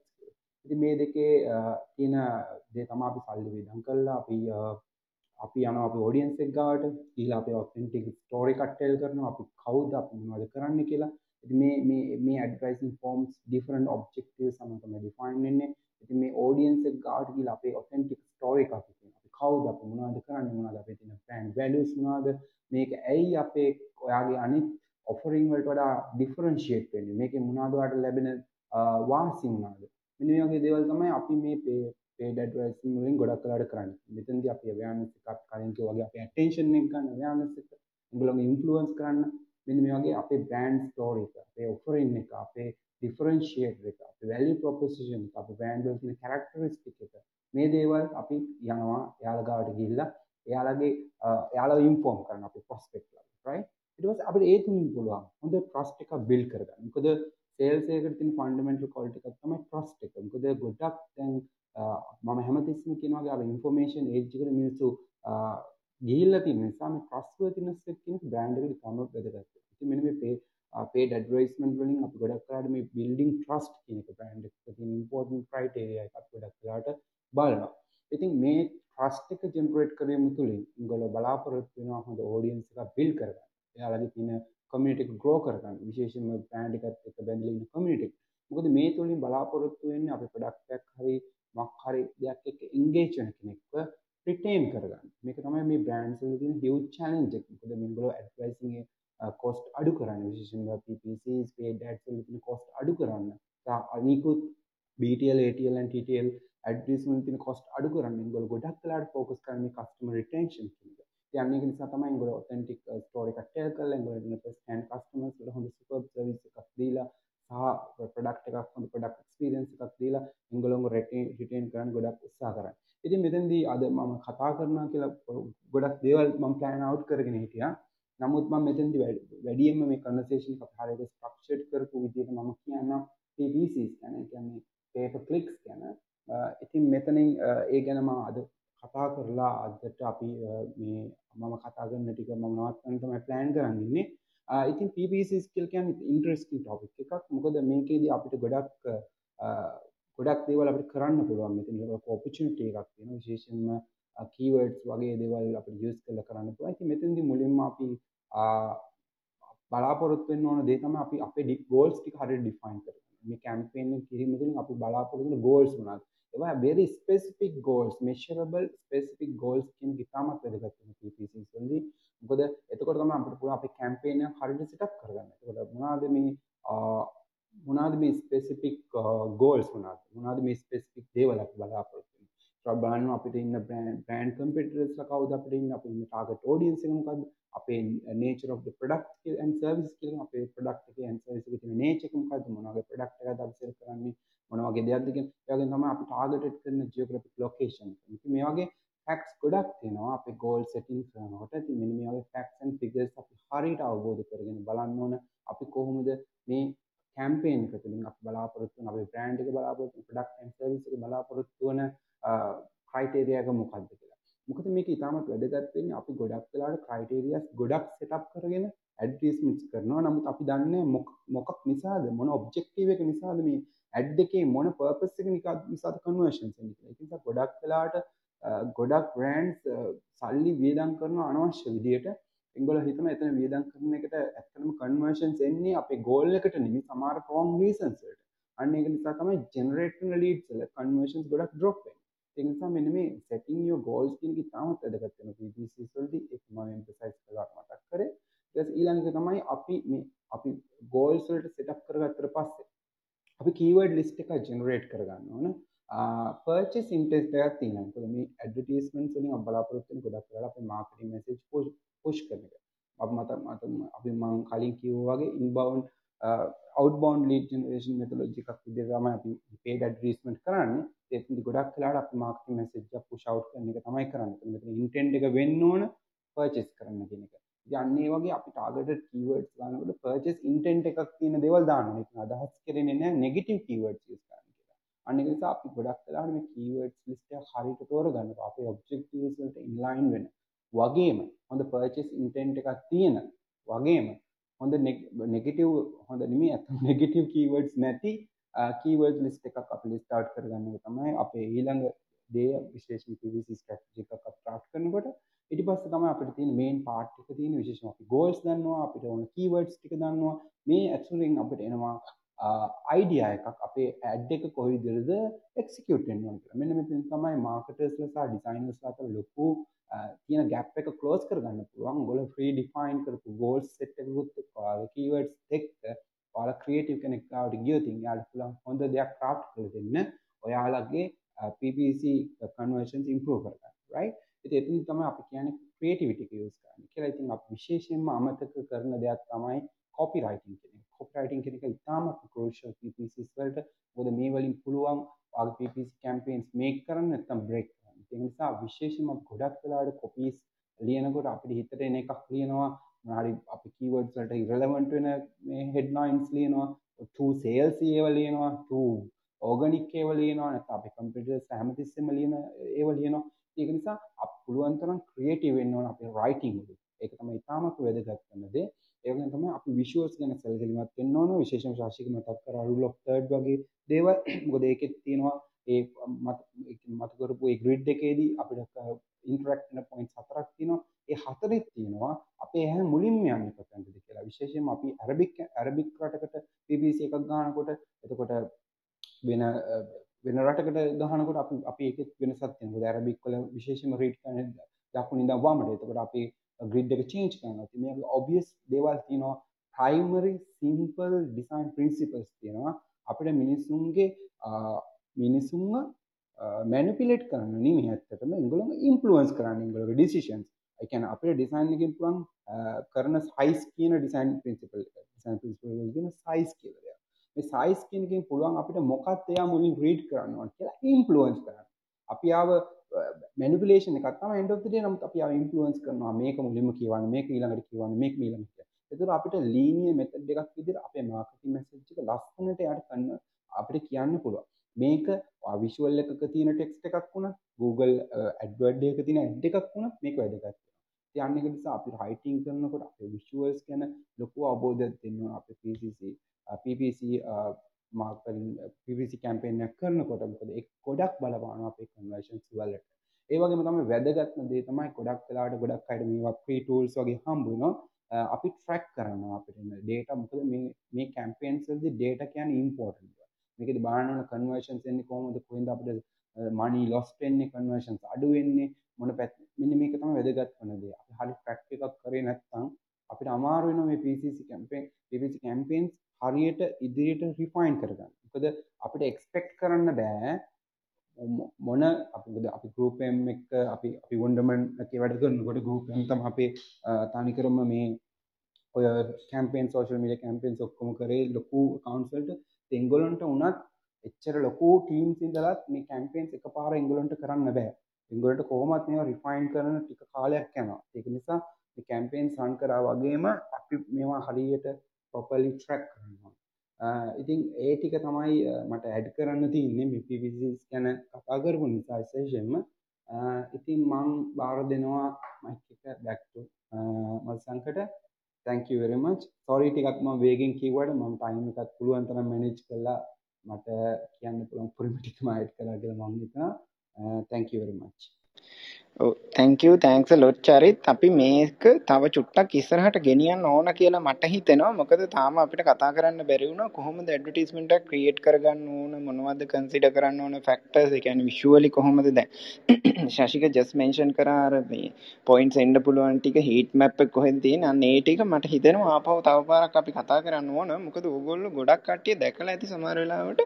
දැන් මෙතන ඉන්න ගොඩක් දෙනෙකුට ඇඩ්වර්ටයිස්මන්ට් කිව්වම මතක් වෙනවා ඇත්තේ Facebook ඇඩ්වර්ටයිස්මන්ට්ස් ද මම දැකලා තියෙන ඔන්ලයින් ඔන්ටර්ප්‍රීනර්ස් ක්ලබ් එක ඇතුලේ සෝරි මේ ගොඩක් මේ දෙනෙක් අහනවා මෙන්න මේක Facebook ලා ඇප්‍රූව් කරේ නැහැ.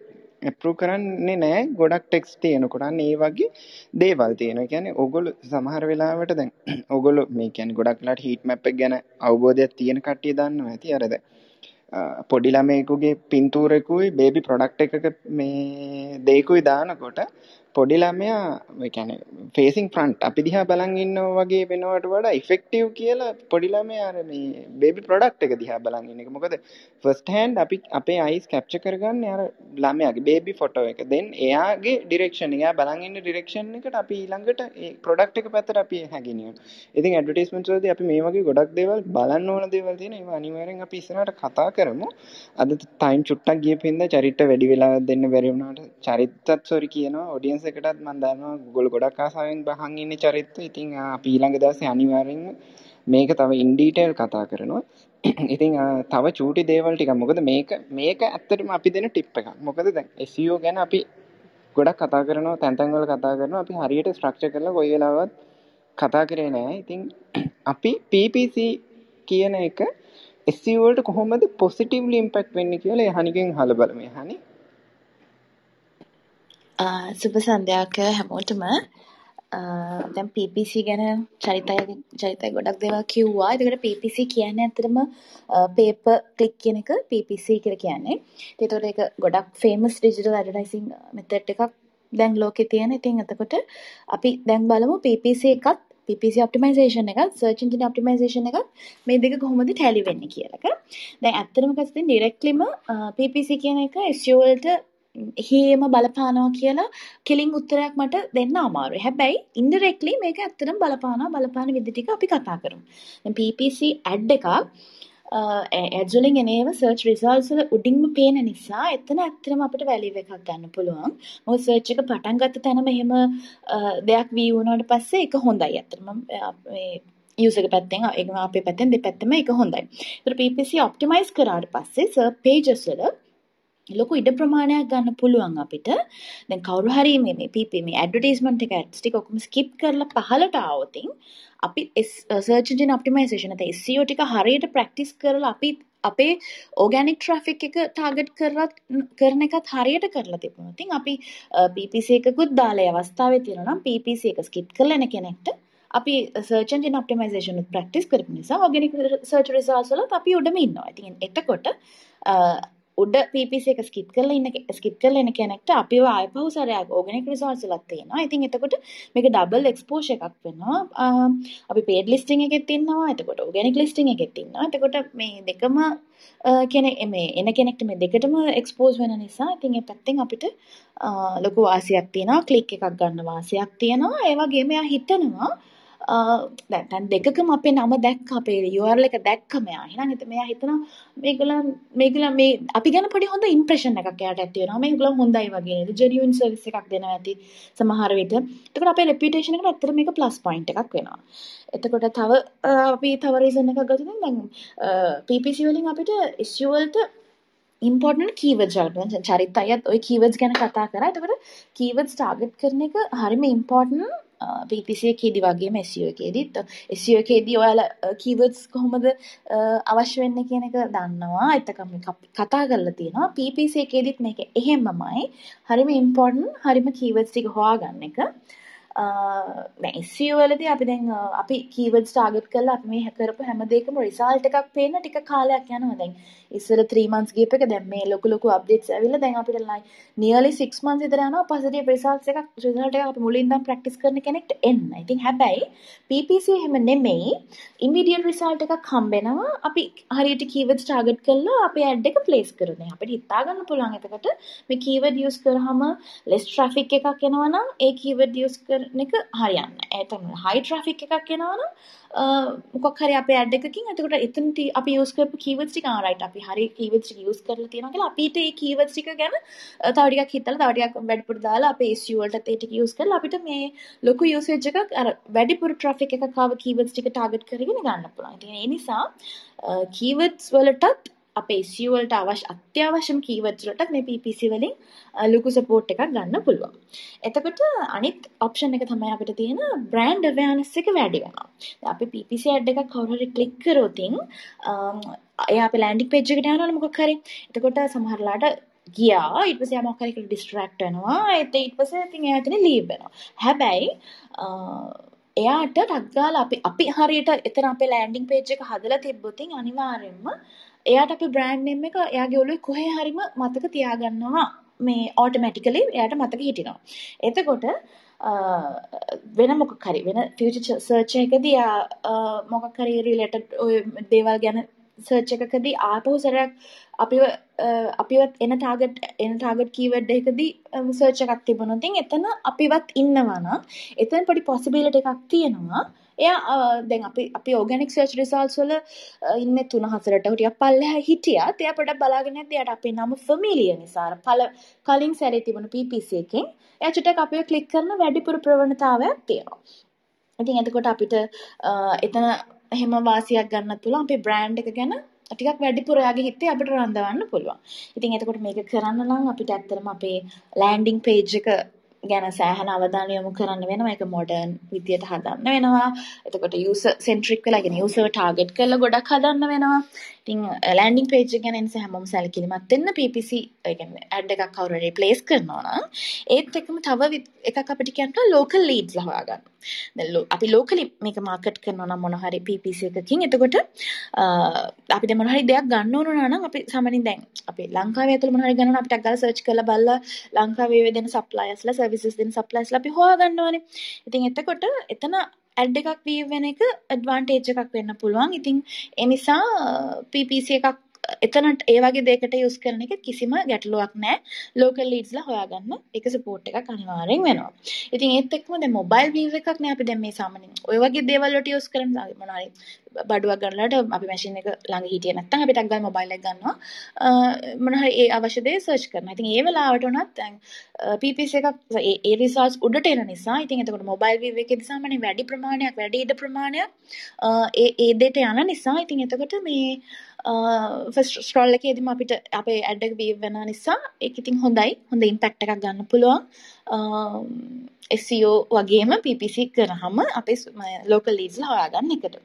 ඉතින් එතකොට PPC ඇඩ් එකක් කවුරු හරි දැක්කොත් ඒක දැන් අපි PPC ඇඩ් එක වගේම එතකොට Google My Business Listing වලටත් අපි දාලා තියෙනවා නම් කවුරු හරි කෙනෙක් අපේ ඇඩ් එක ස්කිප් කරගෙන පහළට යනකොට Google My Business Listing එකේ අපි ඉන්නවා. ඒකෙත් එයා ස්කිප් කරගෙන ආවදින් අපි ඕගනික් රිසල්ට් එකෙත් ඉන්නවා. අන්න ඒ තත්ත්වයට එන්න පුළුවන් නම් මං හිතන්නේ අපි මේ අපිට මේ තියෙන හැම දෙයකම වාසියක් ගන්න පුළුවන් PPC ද SEO ද ඒතර මේ මේ my business කියලා දීපු Google දීපු ෆීචර් එකේ මේ හැම දෙයකින්ම අපිට එතකොට වාසියක් ගන්න පුළුවන් ඉතින් අපේ රිසල්ට් එකක් පෙන්වනවා කියන අපේ එක්ස්පෝෂර් එකේ බෙටම් වැඩි වෙනවා. එතනදී අපි අපි තමයි හොඳටම කරන්නේ කියලා මේ ඇඩ්වාන්ටේජ් එක ඇත්තට අපිට ගන්න පුළුවන්. ඉතින් එතකොට තව දෙයක් මට කියන්න ඕනේ මම ඉක්මන ඉක්මනින් කියගෙන යන්නම්. මේ ඔයාලා ඇඩ් එකක් ප්ලේස් කරලා තියෙනලාට මේ දිගටම ඇඩ් එක වීව් කරනවා නම් හොඳයි. මොකද මේ කාලයක් තියෙනවා ඊට පස්සේ තව ඒක හොඳටම ඕගලන් මේ අචීව්මන්ට් එකක් ගත්තට පස්සේ ඇඩ් එක අයින් කරනවට වඩා ඇඩ් එක දිගටම ප්ලේස් කරගන්න පුළුවන් නම් ඉතින් වඩා හොඳයි. ඒත් එක්කම හෙඩින්ග්ස් හරියට පාවිච්චි කරන්න. අර චරිත අය කිව්ව විදිහට හෙඩිංස් හරිම ඉම්පෝර්ටන්ට් කවුරුවත් දානේව කොපි කරන්න යන්න එපා too too much fancy ඒවා දාන්න යන්න එපා ඔයාගේ target audience එකට හරියටම target කරපු keywords use කරන්න headings පාවිච්චි කරන්න ඒත් එක්කම මේ මේ මේ මේ මේ කියන කතාවල් ටික SEO වලට අදාළ කතාවල්ම ටිකම තමයි මම මේ PPC වලටත් කියන්නේ දැන් SEO වලත් අපි කියනවා title tag එක හරියට දාන්න. මෙන්න descriptions page content හරියට දාන්න කියලා. same thing applies to this also. හරියටම headlines පාවිච්චි කරන්න හරියටම keywords target කරන්න. ඉතින් එතකොට අනිවාර්යයෙන්ම PPC එකකින් අපිට හොඳ ඉම්පැක්ට් එකක් ගන්න පුළුවන්. ඒත් එක්කම ශශික කිව්ව කතාවකුත් මට මතක් වුණා. the negative impact එකක් ආව වෙලාවකදී වුණාද? අපේ product එකට මොකක් හරි negative impact එකක් ආව වෙලාවකදී වුණත් අපිට අපි SEO and PPC දෙකම කරනවා නම් දැන් මේ දෙකම තියදී අපිට ලොකුවට ෆයිට් කරන්න පුළුවන් මේ ආව නෙගටිව් ඉම්පැක්ට් එකත් එක්ක. දැන් ශශික ඇන්කර් එක ගැන කිව්ව නිසා මම වෙන එක්සැම්පල් එකක් ගන්නම්. දැන් බ්‍රිටිෂ් පෙට්‍රෝලියම් එක තිබුණා මම මේක උනේ ඔයාලා මෙතන චූටි ළමයි ඉන්නවනම් මතක නැතුව ඇති මේක උනේ 2010 වගේ BP oil කියන මේ කම්පැනි එක ඒගොල්ලන්ගේ අතින් ලොකු ලීක් ඔයිල් ලීක් එකක් වුණා මම හිතන්නේ පැසිෆික් ගල්ෆ් ගල් ඒ හරි කොහැරි ලොකු ඔයිල් ලීක් එකක් වුණා. ඉතින් ඒක ලොකුවට කතා බහ වුණා ඒ කාලේ සමහර මේ ළඟදී අපේ ලංකාවේ වෙච්ච මේ මේ නැවේ සීන් එක වගේම. ඉතින් එතකොට මේගොල්ලන්ට මාරම ලොකු හානියක් වුණා මේක. ඒගොල්ලන් ඒ හානිය අනිත් පැත්තට PPC කරලා SEO කරලා බේරගත්තා. මේක රිකවර් කරන මෙතඩ්ස් මේගොල්ලන් හරියට SEO කරා. මේක ගැන සර්ච් කරන ඕන කෙනෙක්ට ඉස්සෙල්ලම ආවේ PPC කරලා මේගොල්ලන් ads දැම්ම මේක රිකවර් කරන processes මේගොල්ලන්ගේ ඒත් එකම SEO කරා අනිත් පැත්තෙන් දිගටම organic results වලත් මේ හැම දෙයක්ම ආවේ මේගොල්ලන් recovering process එක. ඉතින් එතකොට නෙගටිව් ඉම්පැක්ට් එකක් ආව වෙලාවකදී උනත් මේ දෙක පාවිච්චි කරලා ලොකු ෆයිට් එකක් දෙන්න පුළුවන්. Uh, ඉතින් දෙකම පාවිච්චි කරන වෙලාවට. ඉතින් සෝෂල් මීඩියස් වලදී නම් අපි සමහරවිට ටාගට් ක්‍රවුඩ් එකක් හරියටම බලලා අපි දැන් මේ ජියෝග්‍රැෆිකල් ලොකේෂන්ස් බලනවා ඩෙමෝග්‍රැෆික්ස් බලනවා හොබීස් කියරියස් ගොඩක් ඒවා බලලා ටාගට් කරලා හරි හරිම ඔඩියන්ස් එකට දෙනවා. හැබැයි ඉතින් මෙතනදී අපි හරීම ටාගට් එකකටම අපි පොඩක් කතා කරන්නේ අපි ටිකක් පොඩක් ලොකු ඔඩියන්ස් එකට කතා කරන නිසා ඉතින් ඔයාලට ටිකක් මෙතනදී චුට්ටක් ස්ට්‍රැටජික් වෙන්න වෙනවා ටැක්ටික්ෆුල් වෙන්න වෙනවා දැන් චරිතය ටික කිව්ව මෙන්න මෙහෙම කරන්න කියලා මම චූටි මතක් කිරීමක් ආපහු කරන්නම්. දැන් ඔයගොල්ලන් paper click campaign එකක් කරනවා නම් පොඩියට පටන් ගන්න. පොඩි campaign එකක් කරන්න.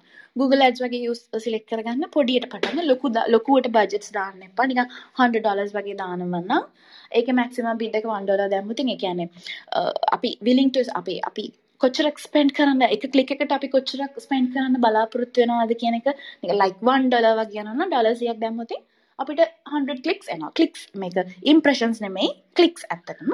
එත් එකම බී ස්පෙසිෆික් වෙන්න ඔගලගේ ටාගට් කීවර්ඩ් එකත් එක දැන් චරිතය ඒ වර්ඩ් එකම කොහොමද ස්පෙසිෆික් වෙන්න කියලා ස්පෙසිෆික් ස්පෙසිෆික් කීවර්ඩ්ස් වලට ටාගට් කරන්න. එතකොට ඔගලන්ගේ ඇඩ් එක ගෝල් එක හරියටම ස්පෙસિෆයි කරගන්න. මොකද කන්වර්ජන්ස් ඔගලන්ගේ ගෝල් එක මොකද්ද? කන්වර්ජන්ස් වැඩි කරගන්නවද? නැත්නම් ලීඩ්ලා ජෙනරේට් කරගන්නවද? සේල් එකකට යනවද CTR එක වැඩි කරගන්නවද? මොකද්ද ඔගලන් මොකටද ඔගලන් මේ ඇඩ් එක යූස් කරන්නේ කියලා හරියටම ස්පෙસિෆයි කරගන්න ඔයාලා ඉස්සලා අදහසක් තියාගන්න මොකටද අපි මේ ඇඩ් එක දාන්නේ කියලා. එතකොට ස්ට්‍රෝං ලැන්ග්වේජ් එකක් යූස් කරන්න. එහෙට මෙහෙට වැනන වැනන කීව වෙන වැනන හෙඩ්ලයින්ස් යූස් කරන්න එපා.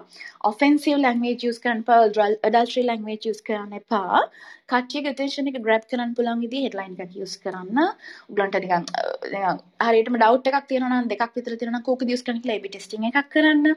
ඒත් එකම geographic keywords use කරන දැන් location එක බලලා උගලන් දාන්නවනේ දන්නවනේ මේ මේක මේක ලෝකලද කරන්නේ මේක වෙන රටක කරනවා නම් ඒ රටේ ඒ රටට කරන වෙලාවක තියෙනවා නම් සමහර මුළු රටටම කරනවා නැත්නම් ලොකු country එකක් නෑ regions වලට කරනවද states වලට කරනවද එහෙම geographic එක use කරන keywords use කරන්න අවශ්‍යතාවය තියෙනවනම් ඒ වගේම call to actions clear call to actions use කරන්න. හරියටම ඔයාලට මොකද්ද කරන්න ඕනේ කියන එක ස්පෙસિෆිකලි සෙටින් එකකදී බටන් එකක් හරියට ප්ලේස් කරන එක. මේ හැම දෙයක්ම හරියම ඉම්පෝටන්ට් නිසා call to action එක හරියටම ප්ලේස් කරන්න. ඉතින් ටාගට් ඔඩියන්ස් එක හරියටම හිතාගන්න. යුස පර්සෝනස් ටික අයිඩියල් කස්ටම හරියටම ටාගට් කරන්න. ඉතින් හොඳ කීවර්ඩ් රිසර්ච් එකක් කරන්න. ඉෆෙක්ටිව් ඇඩ් එකක් හදාගන්න. දැන් ඩිසයින් ඩිසයිනින් ප්‍රොසෙස් එක මතදී හරිම ඉම්පෝටන්ට් දැන් ඉස්සරහට ටික කතා කරන නිසා. ඒක මතක තියාගන්න ඩිසයින් එක හරිම ඉම්පෝටන්ට් ඉෆෙක්ටිව් වෙන්න ඕනේ. හොඳ හෙඩ්ලයින්ස් දාලා. ඒත් එකම ඔයගලගේ බජට් එක ඕවර් එක්සීඩ් වෙන්න දෙන්න එපා.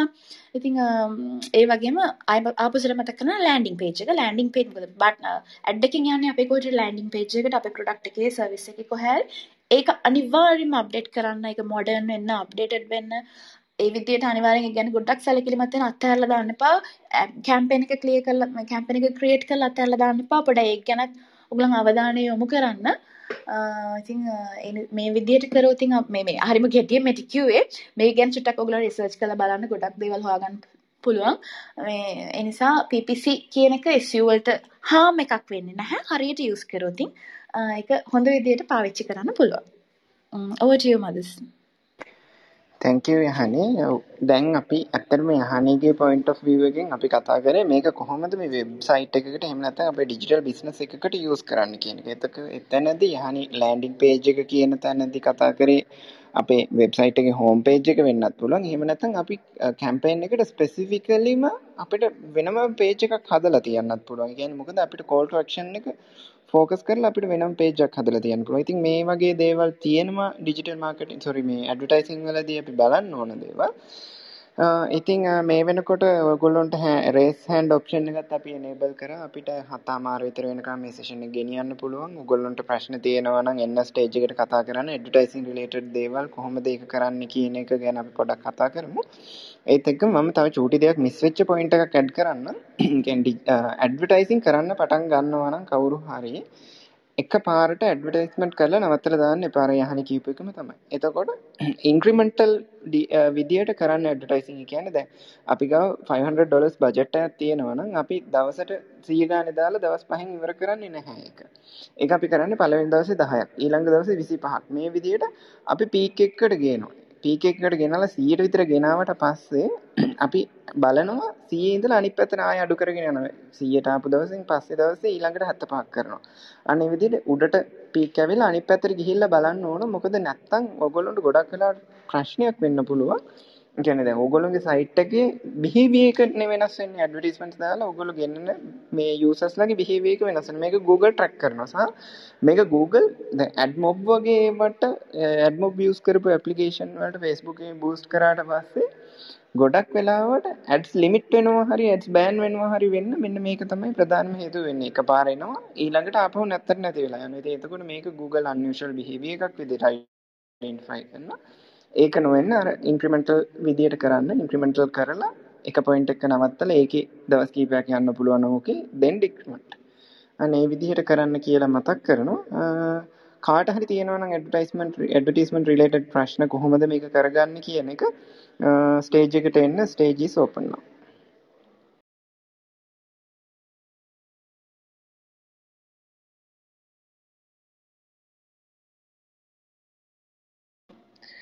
කාටවත් ප්‍රශ්න නෑ වගේ අද. Open to everyone. චරිත් මොනවා හරි ටිකක් ඇඩ් කරමුද තව. මං හිතන්නේ චරිත චරිත අපි ඇහෙනවද? චරිත කියන්න නම් ගොඩක් දේවල් තියෙනවා චරිත.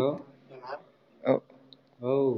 මං ගොඩක් දේවල් තියෙනවා කියන අපි තව ඩීටේල් සෙෂන් එකක් දාමු මම හිතන්නේ. ගැන කතා කරන්න. විශේෂ Q&A වලදී වගේ ගොඩක් දේවල් අපිට ඇඩ් කරන්න පුළුවන්. මේ විශේෂයෙන්ම ඒගොල්ලන්ට තියෙන ස්පෙસિෆික් ක්වෙස්චන්ස් වලට.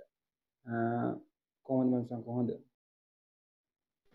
අපි බලමු සුරේෂ් හෑන්ඩ්‍රෙස් කරා හැබැයි ආවේ නෑ.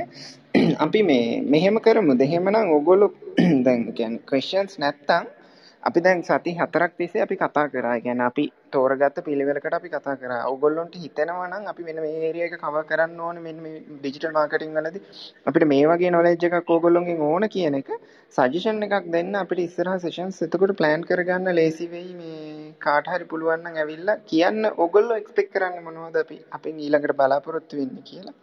ඒකටත් chance එකක් තියෙනවා.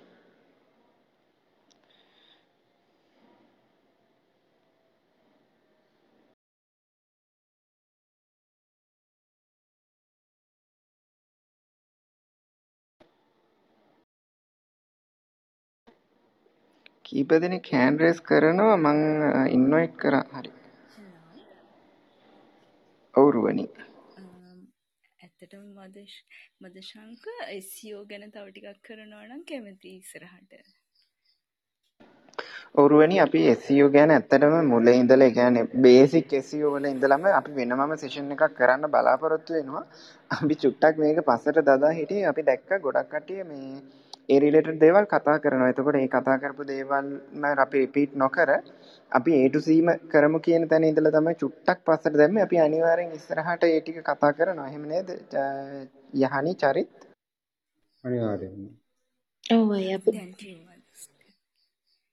හරි. අපි අනිවාර්යෙන් ඒක කවර් කරනවා රුවනි. මේ ඒක නිසා දිගටම අපිත් එක්ක ඉන්න. ඒත් එක්කම මේ SEO Club ශ්‍රී ලංකා කියලා දැන් ඔයා ඔයගොල්ලොන්ට මගේ ප්‍රොෆයිල් එකට ගියොත් මේ ෆුල් ප්‍රොෆයිල් එක බලද්දි බ්ලේස් ඇකඩමි එක තියෙනවා. අපි ඔක්කොම දන්න බ්ලේස් ඇකඩමි එක චරිත් කරන එක. ඊළඟට අපේ ඔන්ලයින් ඔන්ටර්ප්‍රීනර්ස් ක්ලබ් එක තියෙනවා. ඉතින් ඒකත් අපි හැමෝම දන්න එකක්. ඊළඟට මොබයිල් ලැප්ටොප්ස් කියලා ගෲප් එකක් තියෙනවා. මේක මම ස්පෙසිෆික් මම මොබයිල් ඇප්ලිකේෂන් ඩෙවලොප් කරන නිසා මම ඒක රිලේටඩ් දේවල් කතා කරන තැන. ඊළඟට ඕගොල්ලන්ට තියෙන SEO Club SL කියලා ක්ලබ් එකක්. ඉතින් ඒක ඒකේ අපි මේ වෙද්දි SEO පොඩි පොඩි දේවල් ටිකක් කතා කරා. ඊට පස්සේ ඔයගොල්ලන්ට මාකටිං හබ් එක තියෙනවා. ඉතින් ඒක ඒකත් ෆලෝ කරගන්න අපි මේ මේ මාකටිං රිලේටඩ් දේවල් ගොඩක් ඒවා SEO ගත්තම අපි SEO පොඩක් කඩලා වෙන් කරලම ගත්තා මාකටිං වලින්. මොකද මේ ටිකක් වෙනම කතා කරන්න ඕන දේවල් තියෙන නිසා. මේ ඉතින් අපි කතා කරන්නම් ඒත් එක්කම ඔයගොල්ලන්ට චූටි මතක් කිරීමක් කරන්නම් මේ ඇවිල්ලා ඉන්න කැල්වින් අපි කැල්වින්ටත් පොඩ්ඩක් එන්න කියමු මේ ස්ටේජ් එකට මේ කතා කරන්න අපි කතා කරපු දේවල් රිලේටඩ් තව කීප දෙනෙක් හෑන්ඩ් රේස් කරලා තියෙනවා. මම ඒගොල්ලන්ටත් ඔප්ෂන් එක දුන්නා. කැල්වින් අපි පොඩ්ඩක් කතා කරේ මේ ඇඩ්වර්ටයිස්මන්ට්ස් කොහොමද යූස් කරන්න පුළුවන් වෙන්නේ කියන එකයි. මේ දේවල් කොහොමද අපි ඇත්තටම පාවිච්චි කරන්න ඕනේ ඇඩ්වර්ටයිස්මන්ට් එක ක්‍රියේට් කරද්දී? කියන්නේ සෝෂල් මීඩියා වල වෙන්න පුළුවන් අපි මේ ඇඩ් එක දාන්නේ. එහෙම නැත්නම් Google එකේ ඇඩ්වර්ටයිස් කරනවා වෙන්න පුළුවන්. අන්න ඒ වගේ දේවල් ටිකක් කොහොමද අපි වෙන්නේ කියන එක කතා කරේ. වාට මොනවා හරි ඇඩ් කරන්න තියෙනවද? ඔවු දැන් සාමාන්‍යති මෙහෙමයි. අර ඉන්ස්ටග්‍රෑම් එක ඇඩ් එක දාද්දී ෆෙස්බුක් එක ඇඩ් එක දාද්දී එකටිකර ඇඩ් ගයිඩ්ලයින්ස් තමයි හරියට බලන්න ඕන. එතකොට දැන් අර ඇඩ්ඩක උඩ ටෙක්ස්ට එහෙම දානවනන් ඒ ටෙක්ස්ට වල තියෙනවා රේෂියෝ එකක්. එක යන්න ගොඩක් කට්ටිය එමකොද ගොඩක්ේ ඇඩ්වල උඩ දාන ටෙක්ස් තියෙන ඇඩ්ස් එහෙම ගොඩක් ප්‍රෆෝම් කරන්නේ නැහැ. එතකොට ඒ ඇඩ්වල පොඩි ටෙක්ස්ට ඇඩ් ටෙක්ස්ට ඉමේජ් රේෂය එකක් තියෙනවා. එතකොට තව දෙයක් තමයි ඒ ඇඩ් එක ඇඩ් එක කොන්ටෙක්ස්ට එක මොකක්ද ඇඩ්ඩගේ කල එක මොකක්ද මොකද ඒ අයි එකෙන් මේ ඒ ඇඩ් එක රීඩ් කරනවා. එක කල කල තෙරපිය එක. එතකොට සාමාන්‍යෙන් අපි ප්‍රයිඩ් එක කාලේ ප්‍රයිඩ් වීක් කාලේ වගේ බ්‍රයිඩ් කල සියස් කරපු ඇඩ්සේම ඒවල පොඩි ප්‍රෝග්‍රෂන් එකක් තියෙනවා. ඉතින් එහෙම ඒ වගේ ඇල්ගොරිදම්ස් එක්ක වැඩ කරන්නත් පුළුවන්. තව දෙයක් ඉතිං ඒ ඇඩ් එක පුළුවන් තරම් කන්සයිස් ඇතිකල් uh, ඒ වගේ බලලා ඉතිං um, ගොඩක් තියෙන ඉතින් ඇඩ් මම මගේ ඇඩ්සහෙම ඉතින් දාද්දි අර හරියට පොඩියට ඇඩ් එකේ ලොකු කතන්දරයක් කියන්නතු මේ uh, හියස ඔෆ මේ වගේ දෙයක් තියෙනවා කියල ඇඩ් එක පොඩියට දාලා ඒ ඇඩ් එකේ පුළුවන් තරම් ඇඩ්ඩකින් කිවරියෝසිටිය එකක් uh, ඇති කරලා ඇඩ් එකෙන් ලීඩ් එක වෙබ්සයිට් එකට හරි ලෑන්ඩින් පේජ් එකට හරි ජෙනරේට් වෙන එක තමයි මම හිතන්නේ ඒ වගේ ප්‍රක්ටිස් එකක් තමයි මට නම් හරි ගිහිල්ලා තියෙන්නේ. thank you Calvin. Uh, thanks for the addition. අපි ඇත්තටම ඉස්සරහට චුට්ටක් කතා කරමු. කියන්නේ ස්පෙસિෆිකලිම Instagram වල ඇඩ්වර්ටයිස්මන්ට් දානවා නම් කොහොමද අපි කරන්න ඕන කියන එක. ඒකට අපි හිතනවා කැල්වින් අපිට හෙල්ප් එකක් දෙයි කියලා. මේ ඉතින් මොකද කැල්වින් ගොඩක් වෙලාවට ඉන්ස්ටාග්‍රෑම් ගැන කතා කරනවා අපි දැකලා තියෙනවා. ඉතින් මේ ඒ දේවල් අපිත් හරි ආසාවෙන් අහන් ඉන්නවා අපි ඉගෙන ගන්නවා. ඉතින් එතකොට thank you. join වුණාට අපිට ඉන්නවා සුරේෂ් සුරේෂ් question එකක් තියෙනවද? නැත්නම් අපි ඉස්සරහට මොනව ගැනද කතා කරන්න ඕනේ කියලා අයිඩියා එකක් දෙනවද? සුරේෂ්?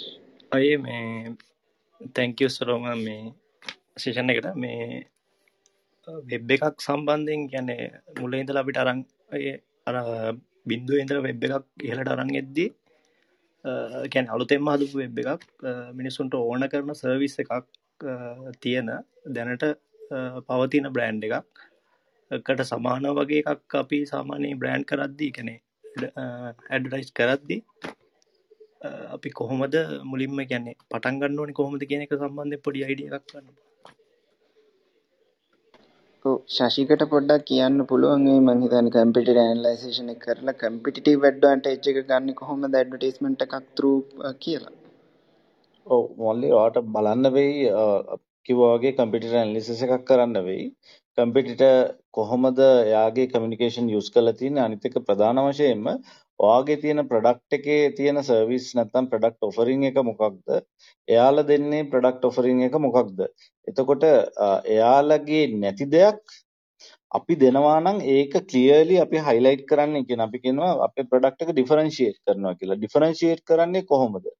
ඔයාට වඩා හොඳ රීසන් එකක් දෙන්න පුළුවන් නම් ඔයා මෙන්න මේකයි මගේ ප්‍රඩක්ට් එක ගන්න කියන එක. එතකොට වඩා ඩිෆරන්ෂියේට් වෙනවා ඔයාගේ ප්‍රඩක්ට් එක මෙන්න මේ හේතුව නිසා කියලා. ඊට අමතරව අපි USPs ගැන කතා කරා කලින් සෙෂන්ස් වලදී අපි ඒකෙදි කියනවා ඔයා ඔයාගේ ප්‍රොඩක්ට් එක නැත්තම් සර්විස් එක මොකක් කියලාද විකුණන්නේ? යුනික් සෙලිං ප්‍රොපොසිෂන්ස් කියනවා මේකට.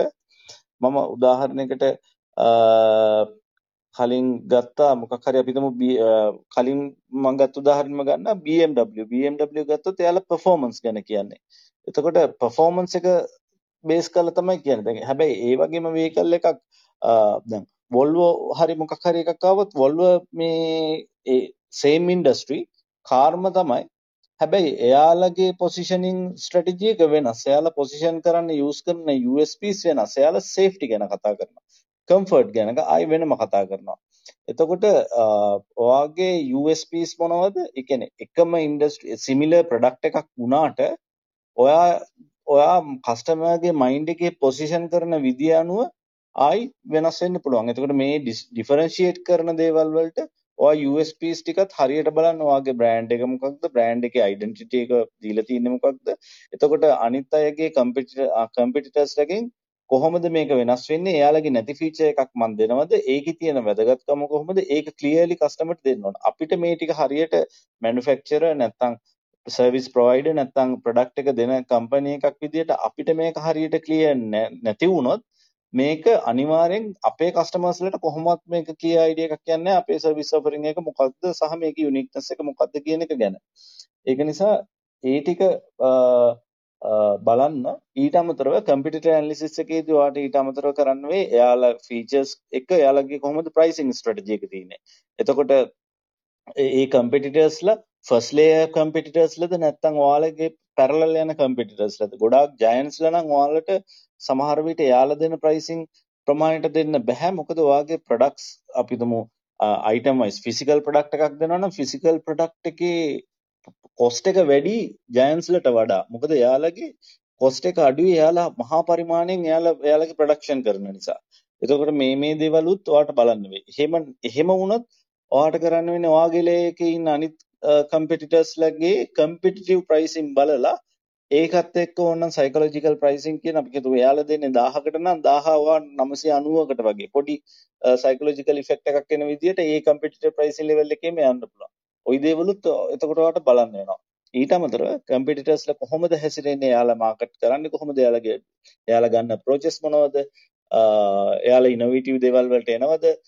එයාලගේ හැසිරීම කොහොමද? අපි ඉන්නේ කොතනද? මේ හැම දෙයක් ගැනම පොඩ්ඩක් අයිඩියා එක තියාගන්න වෙයි. මගේ පැත්තෙන් මම හිතනවා ඔයාලට උත්තරයක් හම්බුණා කියලා මල්ලි. ප්‍රේ thank you. හරි. හරි. Oh, thank you, Shashika, and thank you, Suresh, for the question. මధుර ඉන්නවා මధుර question එකක් තියෙනවද නැත්නම් අපිට suggestion එකක් තියෙනවද? තැංක අයි අවස්ථාව ලබා දුන්නට මට ප්‍රශ්නයක් තියෙන මේ Google ඇඩටයිසින් සම්බන්ධව අපි Google සර්විස් එකට ගෙපු හම ඒක පෙන්න්නනවා නේද ඇඩ්ස් කියලා. එතකොට යුව ඇඩටයිසිං අයිඩ එකයි රීසෙට් ඇඩටයිසිං අයිඩ එකයි ඒ සම්බන්ධ පොඩි පැහැදිකිලීමක් කරන්න පුළුවන්ද? ඔව් ඔයා කතා කරන්න මදුර ඇඩ්වර්ඩ්ස් ගැනද? Google Ads Google Ads කියන්නේ දැන් මෙහෙමයි Google Ads වලට යනකොට මදුර ඔයාට පළවෙනියටම ඔයාගේ ඇඩ්වර්ටයිස් ඇඩ් account එක හදාගන්න ඕනේ. එතකොට මේ ඇඩ් account එක හදාගන්න හදාගත්තට පස්සේ තමයි ඔයාට මේ කියන ඇඩ්වර්ටයිස්මන්ට් මේ ඇඩ්වර්ටයිසර් ID එක හම්බ වෙන්නේ. මේ ඇඩ්වර්ටයිසර් ID එක හම්බුණාට පස්සේ ඔයාට හම්බ වෙනවා. ඒ කියන්නේ දැන් නම් ඒක ෆ්‍රීලි ඕපන් කරලා තියෙනවා Google. ඒ කියන්නේ ඔයාට ටූල්ස් සෙට් එකක් හම්බ වෙනවා. ඒ කියන්නේ Google keyword plan එක ඒ වගේ දේවල් ටිකක් ඔයාට හම්බ වෙනවා ඇඩ්වර්ටයිසර් කෙනෙක් විදියට ඔයාට යූස් කරන්න පුළුවන් ටූල්ස් ටික. එතකොට මේ ටූල්ස් ටික යූස් කරලා ඔයාට පුළුවන් ඇඩ්වර්ටයිස්මන්ට් ඊළඟට තියෙන්නේ මේ සෙක්ෂන් එකේ ඇඩ්වර්ටයිස්මන්ට් කැම්පේන්ස් කියලා. ඉතින් මේ කැම්පේන්ස් වලට එද්දි ඔයාට ජියෝග්‍රැෆිකල් ලොකේෂන්ස් ඒ වගේ ටාගට් ඔඩියන්ස් සෙග්මන්ට්ස් හදන්න පුළුවන්. කියන්නේ එතකොට ඔයාගේ ඇඩ්වර්ටයිස්මන්ට් ඒ කියන්නේ අර ඇඩ් account එක ඇතුළේ ඔයාට සෙග්මන්ට්ස් හදලා ඒ එක එක සෙග්මන්ට්ස් වලට ගැලපෙන මේ කැම්පේන්ස් හදලා දාන්න පුළුවන්. ඒක තමයි සාමාන්‍ය විදිය. ගොඩක්ම මේ කියන්නේ මගේ සජෙෂන් එක මතුරු ඕක හොඳට එක්ස්ප්ලেইন කරලා තියෙනවා Google එකේ. ඒගොල්ලොන්ගේ තියෙනවා YouTube එකක්. ඒ කියන්නේ ads වලට. මේ මං ඔයාට කියන්නේ මට පර්සනල් මැසේජ් එකක් දැම්මොත් Instagram එක through මගේ ප්‍රොෆයිල් එකට ගිහිල්ලා බලන්න. මගේ ප්‍රොෆයිල් එකේ මේ Instagram එක link කරලා තියෙනවා. Instagram එක through මට පර්සනල් මැසේජ් එකක් දාන්න. මං මේ YouTube channel එක ඔයාට එවන්න. නැත්නම් ඔයාට Google මේ AdWords YouTube channel කියන එක search කරලා ගියොත් ඔයාට මේ ওই ටික හොඳට clearly කොහොමද campaign එකක් හදන්නේ කොහොමද මේ ටික කරන්නේ කියන එක ඒගොල්ලෝ explain කරලා තියෙනවා. හරි අයියා thank you very much. හරි. තැංක යු මధుර. අශාන් ඉන්නවා අපිත් එක්ක. Ashan?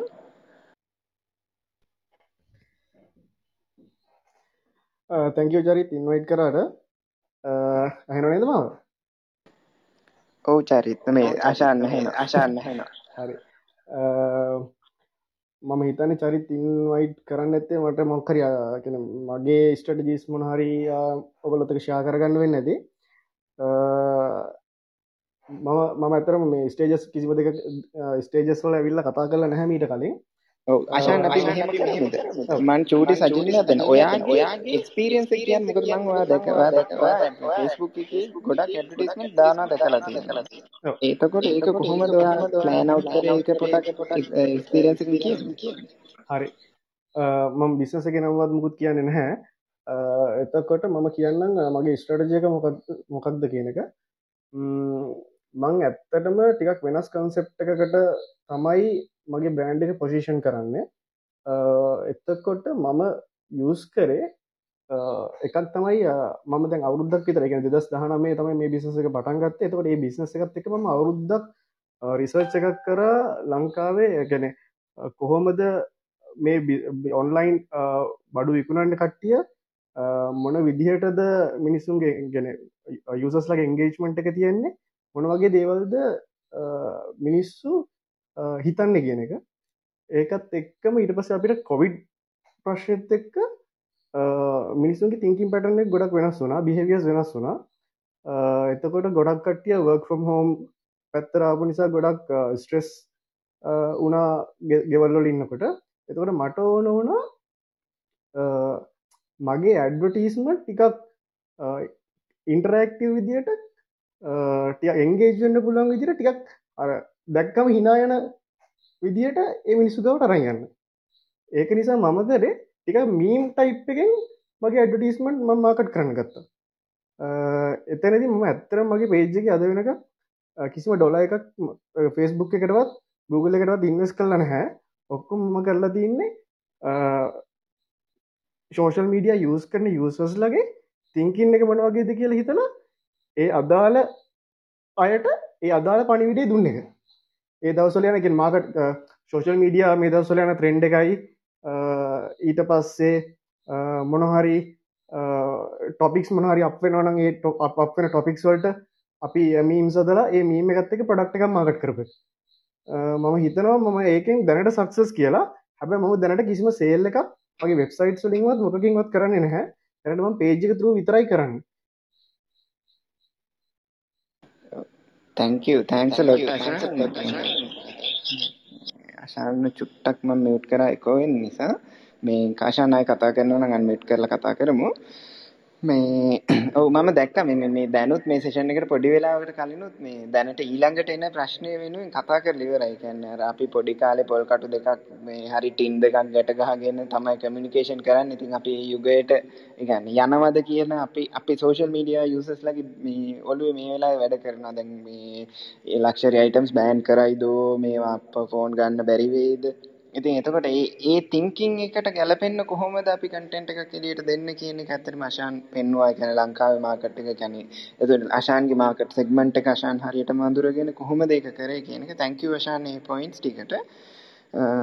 අපි කවිඳුට යමු අද දවසේ අන්තිම ක්වෙස්චන් එක විදිහට අපි පැය එකමාරක් විතර දැන් කතා කරපු නිසා අපි සෙෂන් එක වයින්ඩ් අප් කරමු කවිඳුගේ ක්වෙස්චන් එකෙන් පස්සේ ඔඩියන්ස් ස්පීකර්ස්ලාට අවස්ථාව දීලා තව මොනවා හරි ඇඩ් කරන්න තියෙනවා නම් කවිඳු හැලෝ අයියේ වීඩියෝ ඇඩ් එකක් එහෙම හදනකොට ඒ වීඩියෝ ඇඩ් එකේ කියන්නේ අර ඒ දාන කන්ටෙන්ට් එකේ එහෙම කියන වචන ඒ කියන්නේ වීඩියෝ එකට ඒ ඇඩ් එකට මේ වැටෙන්න ඕන වචන ප්‍රමාණයක් එහෙම තියෙනවද? ඒ කියන්නේ ස්ටෝරි එකක් වගේ හදලා දානකොට එහෙම ඒ ඇඩ් එක දානකොටයි ඔව් මම තව චූටි දෙයක් මේ ඇඩ් කරන්නම් එතනට මුලින්ම මේ එතකොට මේ කවිඳු ඔයාගේ මයික් එක මියුට් කරන්න පුළුවන් නම් මේ කෝවෙන එක නවතියි අපිට මේ එතකොට කවිඳු ඔයා ටාගට් කරන යූසර් බේස් එක කියන්නේ ඔයා මේ වීඩියෝ ඇඩ් එක දාන්නේ කොතනටද මොන යූසර් කැටගරි එකටද කියන එක මත ඔක ඩිපෙන්ඩ් වෙනවා.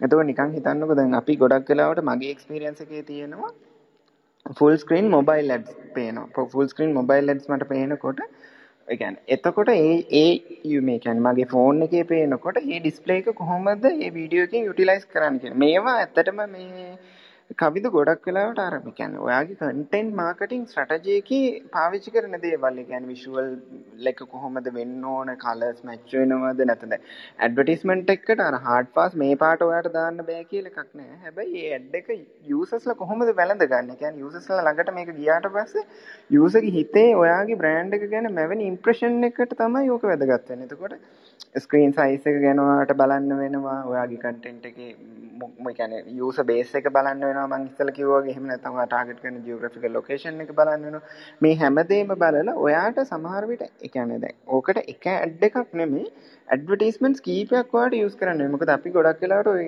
ওই මෙතඩ් එක යූස් කරනවා ඒ කියන්නේ ඇඩ්වර්ටයිස්මන්ට් දාද්දි අපිට කියන්නේ AB ටෙස්ටිං කියන්නේ වේරියන්ට්ස් දෙකක් ඔයාට තියෙනවා නම් AB ටෙස්ටිං එකක් කරලා බලන්න පුළුවන් කොයි ඇඩ් එකද හරියට perform කරේ කියලා. එහෙම නැත්නම් ඔයාලට තව ඔප්ෂන් එකක් තියෙනවා මල්ටි වේරියන්ට් කියලා. ඒ කියන්නේ වේරියන්ට්ස් ගොඩක් තියෙනවා. ඒ කියන්නේ දැන් යූසර්ස්ලා ඔයාලට 100ක් එනකොට 100ටම එක ඇඩ් එක නෙමෙයි පෙන්වන්නේ. 50කට එක ඇඩ් එකක් පෙන්වනවා 50කට එක ඇඩ් එකක් පෙන්වනවා. ඒ කියන්නේ දෙකක් තියෙනවා. නැත්නම් අපිට තුනක් තියෙනවනේ 33කට එකක් පෙන්වනවා. එහෙම පෙන්වන්න පුළුවන්.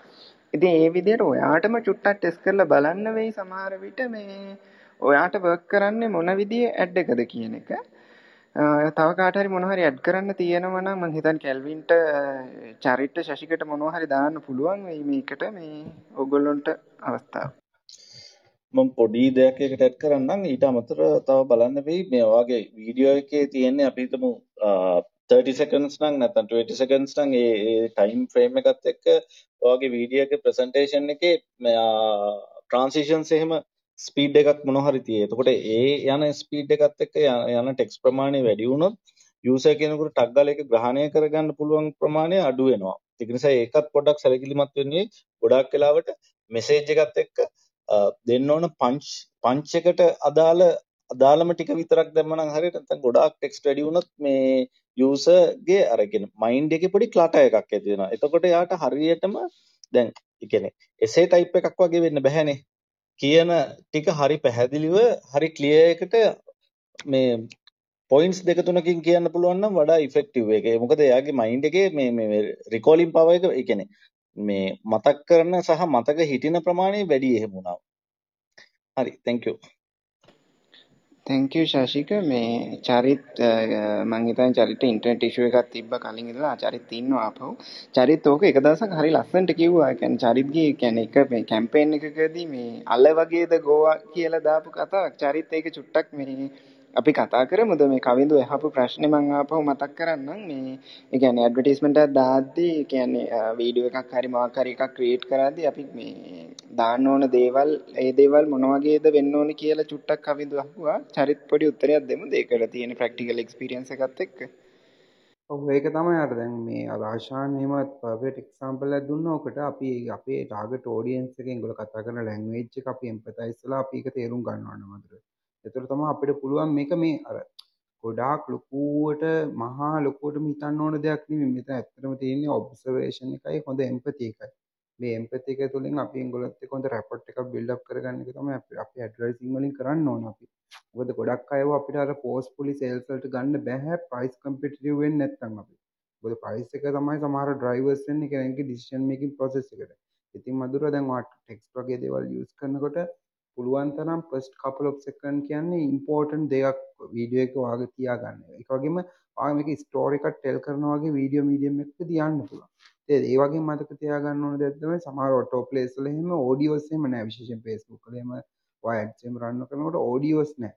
එතකොට ගොඩක් වෙලාවට ඔයාට ටෙක්ස්ට් කියන එක ඉම්පෝර්ටන්ට් වෙනවා වගේ ස්ටෝරි එක ටෙල් කරනකොට මුලින්ම ක්ලියර් ඉන්ටෙන්ට් එකක් දෙන්න ඔයා මොකද්ද මේ ඇඩ් එක කරන්න කියලා. ඒක ඔයාගේ අර ස්ටෝරි ටෙලින් කියලා කියන්නේ ඒක ඔයාගේ බ්‍රෑන්ඩ් එකේ කැරක්ටරිස්ටික් එක අනුව ඔයා ඩිෆයින් කරගන්නවා. සමහර දැන් අශාන්ගේ බ්‍රෑන්ඩ් එකේ ගොඩක් වෙලාවට එයා හියුම එක එම්ෆසිස් කරලා තමයි එයා මේ කැම්පේන් එක රන් කරන්නේ රයිට්. එතකොට එතන තියෙන්න ඕන සර්ටන් ක්‍රයිටේරියාස් තියෙනවා. ඒ වගේම තමයි ආගේ ටාගට් ඔඩියන්ස් එක කවුද කියන එක තමයි වැදගත් වෙන්නේ. යං ක්‍රවුඩ් එකක්ද සින්දු කියන ආට් පැත්තේ ඉන්න ක්‍රවුඩ් එකක්ද එහෙම නැත්නම් කවුද ඔයාගේ ඔඩියන්ස් එක? ඒගොල්ලොන්ගේ ඩ්‍රීම්ස් වුණා දෙගොල්ලෝ හැසිරෙන්නේ කොහොමද මෙන්න මේ දේ අර බ්‍රෑන්ඩ් එකක් විදිහට හරියටම තේරුම් ගන්න ඕන අපි. එතකොට යාළට කතා කරන්න ලේසි මේක හරිය නිසා ඒගොල්ලෝගේ ලැන්ග්වේජ් එක වගේ. ඔයා යාගේ ලැන්ග්වේජ් එක ස්පීක් කරනවා නම් එයාලට කතා කරන්න පුළුවන්. අන්න ඒ වගේ මේ ඔයාගේ ඔඩියන්ස් එකේ කැරක්ටරිස්ටික්ස් තමයි ගන්න ඕන මුලින්ම. අන්න ඒ මත පදනම් වෙලා විතරයි අපිට තීරණය කරන්න පුළුවන් මොනවගේ ටෙක්ස්ට එකද දාන්න ලෝන් ටෙක්ස්ට එකද පනි ටෙක්ස්ට එකද ෆෝමල් ටෙක්ස්ට එකද ඉන්ෆෝමල් ටෙක්ස්ට එකක්ද?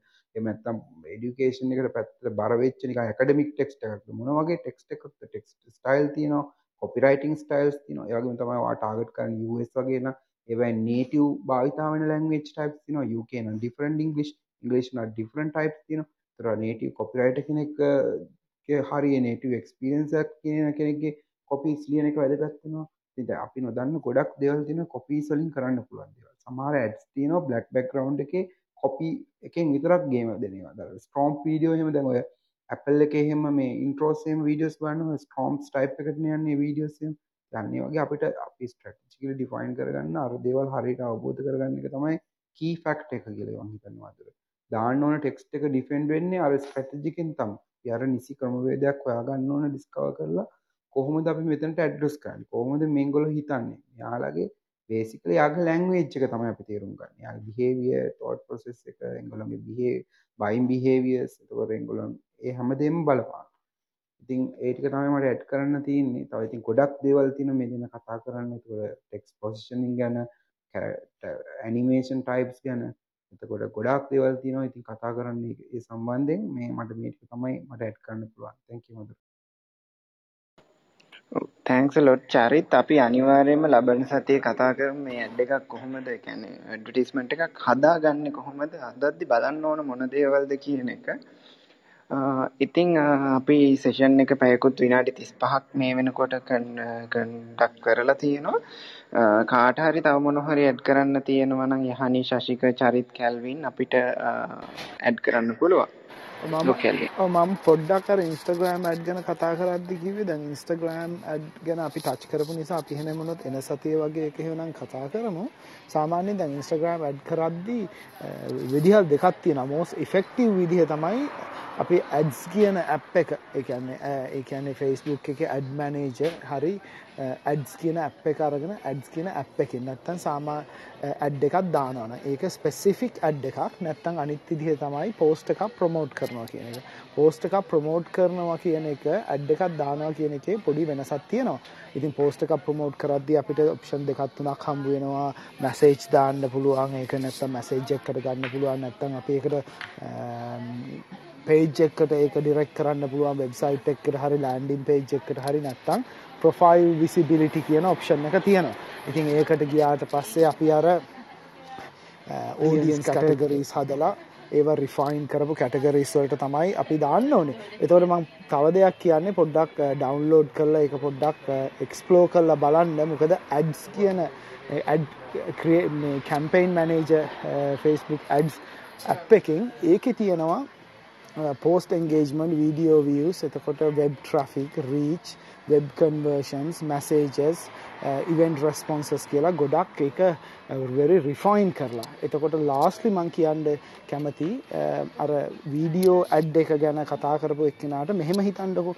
Uh, YouTube එකේ වීඩියෝ ඇඩ් එකක් විනාඩි uh, තප්පර පහයි. තප්පර පහෙන් ස්කිප් කරනවා ගොඩක් කට්ටිය. තප්පර පහෙන් ඒ කට්ටිය බැලුවේ නැත ඒ කියන්නේ ඒක එන්ගේජ්මන්ට් නැත්තම් ගොඩක් කට්ටිය කරන්නේ ඒක ස්කිප් කරනවා. ඒ කියන්නේ එතකොට මිනිස්සුන්ගේ ඇටෙන්ෂන් ස්පෑන් එක කියන්නේ. ඇටෙන්ෂන් එකට දෙයකට ඇටෙන්ෂන් දීලා තියෙන්නේ තප්පර 3ක් තප්පර 5ක් අතර. ඒ තප්පර 3ක් තප්පර 5ක් අතර ඔයාගේ ඇඩ් එකේ පටන්ගෙන සමරයිස් වෙලා ඇඩ් එක ඉන්ට්‍රස්ටිං වෙන්ඩ ඕනේ. නැත්තම් ගොඩක් කට්ටිය කරන්නේ ඇඩ් එක ස්කිප් කරන එක තමයි. එතකොට වාට අර වීවස් හම්බු වෙනවා රීච් එක හම්බු වෙනවා. ඒ වුණාට කන්වර්ෂන් එක සහ එන්ගේජ්මන්ට් එක කියන එක හම්බු වෙන්නේ නැහැ. අම් කැල්වින් චින්තක thank you. අපි එහෙම වුණොත් නෙක්ස් වීක් එකේ ඉදිරියට කොහොමද ඉන්ස්ටාග්‍රෑම් ඇඩ් එකක් හදාගන්නේ ඉෆෙක්ටිව්ලි හදාගන්නේ කොහොමද? ඕඩියන්ස් එකක් ඔප්ටිමයිස් කරගන්නේ කොහොමද? ඊළඟට අපි ස්ටැටික්ටික්ස් බලන්නේ කොහොමද? ඉන්සයිට්ස් බලන්නේ කොහොමද? අපි ඊළඟට දෙවනි ඒ කියන්නේ පළවෙනි ඇඩ් එක දෙවැනි ඇඩ් එක තුන්වෙනි ඇඩ් එක වගේ යද්දි අර ඕඩියන්ස් එක රිෆයින් කරගෙන ටාගට් ගෲප් එකක් හදාගෙන ජෝග්‍රැෆිකල් ටාගට් ගෲප් එකක් හදාගෙන ඒ කියන්නේ මේල්ද ෆීමේල්ද ඒජ් එක අරගෙන බිහේවියර් වලට ඒක රිෆයින් කරගන්නේ කොහොමද කියලා එහෙම අවස්ථාවක් හම්බුනොත් අපි කතා කරමු. thank Oh, uh, you thank you කැල්වින් එතකොට අපි uh, අද කතා කරේ මේ ඇඩ්වටස්මන්ට් වල බේසික්ස් ටික. ඉතින් අපි මේ සේෂන් එක අනිවාර්යෙන් ලබන සතියට uh, කන්ටිනියු කරමු. අපිත් එක්ක අපි එතකොට ලබන සතිය කැල්වින් එක්කන් එන්න ශශික චරිත්‍ය හනිව අපි ඔබ්වියස්ලි එක්කන් එනවා. ඉතින් ඔයගොල්ලොන්ට තියෙන ප්‍රශ්නත් අරගෙන එන්න. දැන් එතකොට කැල්වින් කිව්වා වගේ අනිවාර්යෙන් Facebook ad manager මං හිතන්නේ ඒක මට මතක විදියට ඒ ඇප් එක ඩවුන්ලෝඩ් කරලා බලන්න ඒකේ මොනවද තියෙන්නේ කියලා. එතකොට ගොඩක් වෙලාවට සමහර කට්ටිය මට පර්සනලි chat දාපු කට්ටිය ඉන්නවා. මගේ ad account එක බෑන් වුණා, මෙහෙම වුණා, මෙහෙම වුණා කියලා. ඉතින් ඒ වගේ ප්‍රශ්න වලටත් අපි පුළුවන් විදිහට උත්තර දෙන්න බලනවා. එතකොට Google Ads කියලා තියෙනවා. ඒ app එකක් download කරගන්න. අපි Facebook එකට අමතරව Google එකේ කොහොමද advertisements දාන්නේ කියන එක ගැන අපි පොඩ්ඩක් කතා කරමු. ඉතින් ඒ දේවල් එක්ක ආපහු ලබන සතිය හම්බ වෙනකන් ඔක්කොටම ගුඩ් නයිට් කියනවා. එක මතක් කිරීමක් කරන්න අන්තිම වෙලාවේ මේ දැන් අපි මෙතන ඇත්තරම හිටිය මුල ඉඳලම දෙසීයක් එකසි අසුවක විතර ප්‍රමාණයක් ඉන්නවා. ඉතින් මේ ඔඩියන්ස් එක මේ ස්ටේජ් එකේ ඉන්නවා වැලියබල් ස්පීකර්ස්ලා කැල්වින් ඉන්නවා චරිත් ඉන්නවා ශශික ඉන්නවා යහනි ඉන්නවා. මේගොල්ලොම ෆලෝ කරගන්න. මොකද මේගොල්ලෝ ඊළඟටත් යන්නේ මේ වගේ ඩිස්කෂන්ස් වලට. දැන් එතකොට ස්පෙෂලිම කැල්වින් කතා කරනවා Instagram ගැන. Instagram related දේවල්, digital marketing related දේවල්. එතකොට චරිත ඔයගොල්ලෝ හැමෝම දන්නවා ක්‍රියේටිව් දේවල් චරිත ගොඩක් කතා කරනවා. ඉතින් බ්‍රෑන්ඩින් ගැන කතා කරනවා මේ වගේ ඩිජිටල් මේ දේවල් ගැන කතා කරන මේ වගේ ඉවලුවේෂන් උනේ කොහොමද කියන එක ගැන කතා කරන ඉතින් චරිත ෆලෝ කරගන්න ශශික ගොඩක් කලා ඩිජිටල් මාර්කටින් රිලේටඩ් දේවල් කතා කරනවා. ඉතින් ශශික ෆලෝ කරගන්න. ඒ වගේම බෙල් අයිකන් එකක් තියෙනවා. ඒක ක්ලික් කරොත් ඔයගොල්ලෝ නොටිෆිකේෂන් එන එක හැන්ඩල් කරගන්න පුළුවන්. ඉතින් ඒ වගේම යහනි SEO ගැන ගොඩක් දේවල් අපිට හැමදාම කතා කරනවා. ඉතින් යහනිවත් ෆලෝ කරගන්න. ඉතිරි කට්ටිය මේ කමියුනිටි එකේ ඉන්න ඔයගොල්ලන්ට තේරෙනවා නම් මේගොල්ලෝ වැලියබල් කියලා ඒගොල්ලන්ගේ ප්‍රොෆයිල්ස් දිහා බලන්න, ඒගොල්ලොන්ව ෆලෝ කරන්න. ඉතින් ඒක තමයි අන්තිමට මතක් කරන්න තියෙන්නේ. එහෙමනම් ඔක්කොටම සුබ රාත්‍රියක් ප්‍රාර්ථනා කරනවා. චරිත් අටට මං හිතන්නේ LinkedIn වලින් කොහොමද personal branding කරන්න කියලා මිස්ටර් අමිත ගමගේත් එක්ක පොඩි සෙෂන් එකක් කරනවා. ඒකටත් එකතු වෙන්න කියලා ඔයගොල්ලන්ට මතක් කරනවා. Thank you and good night everyone.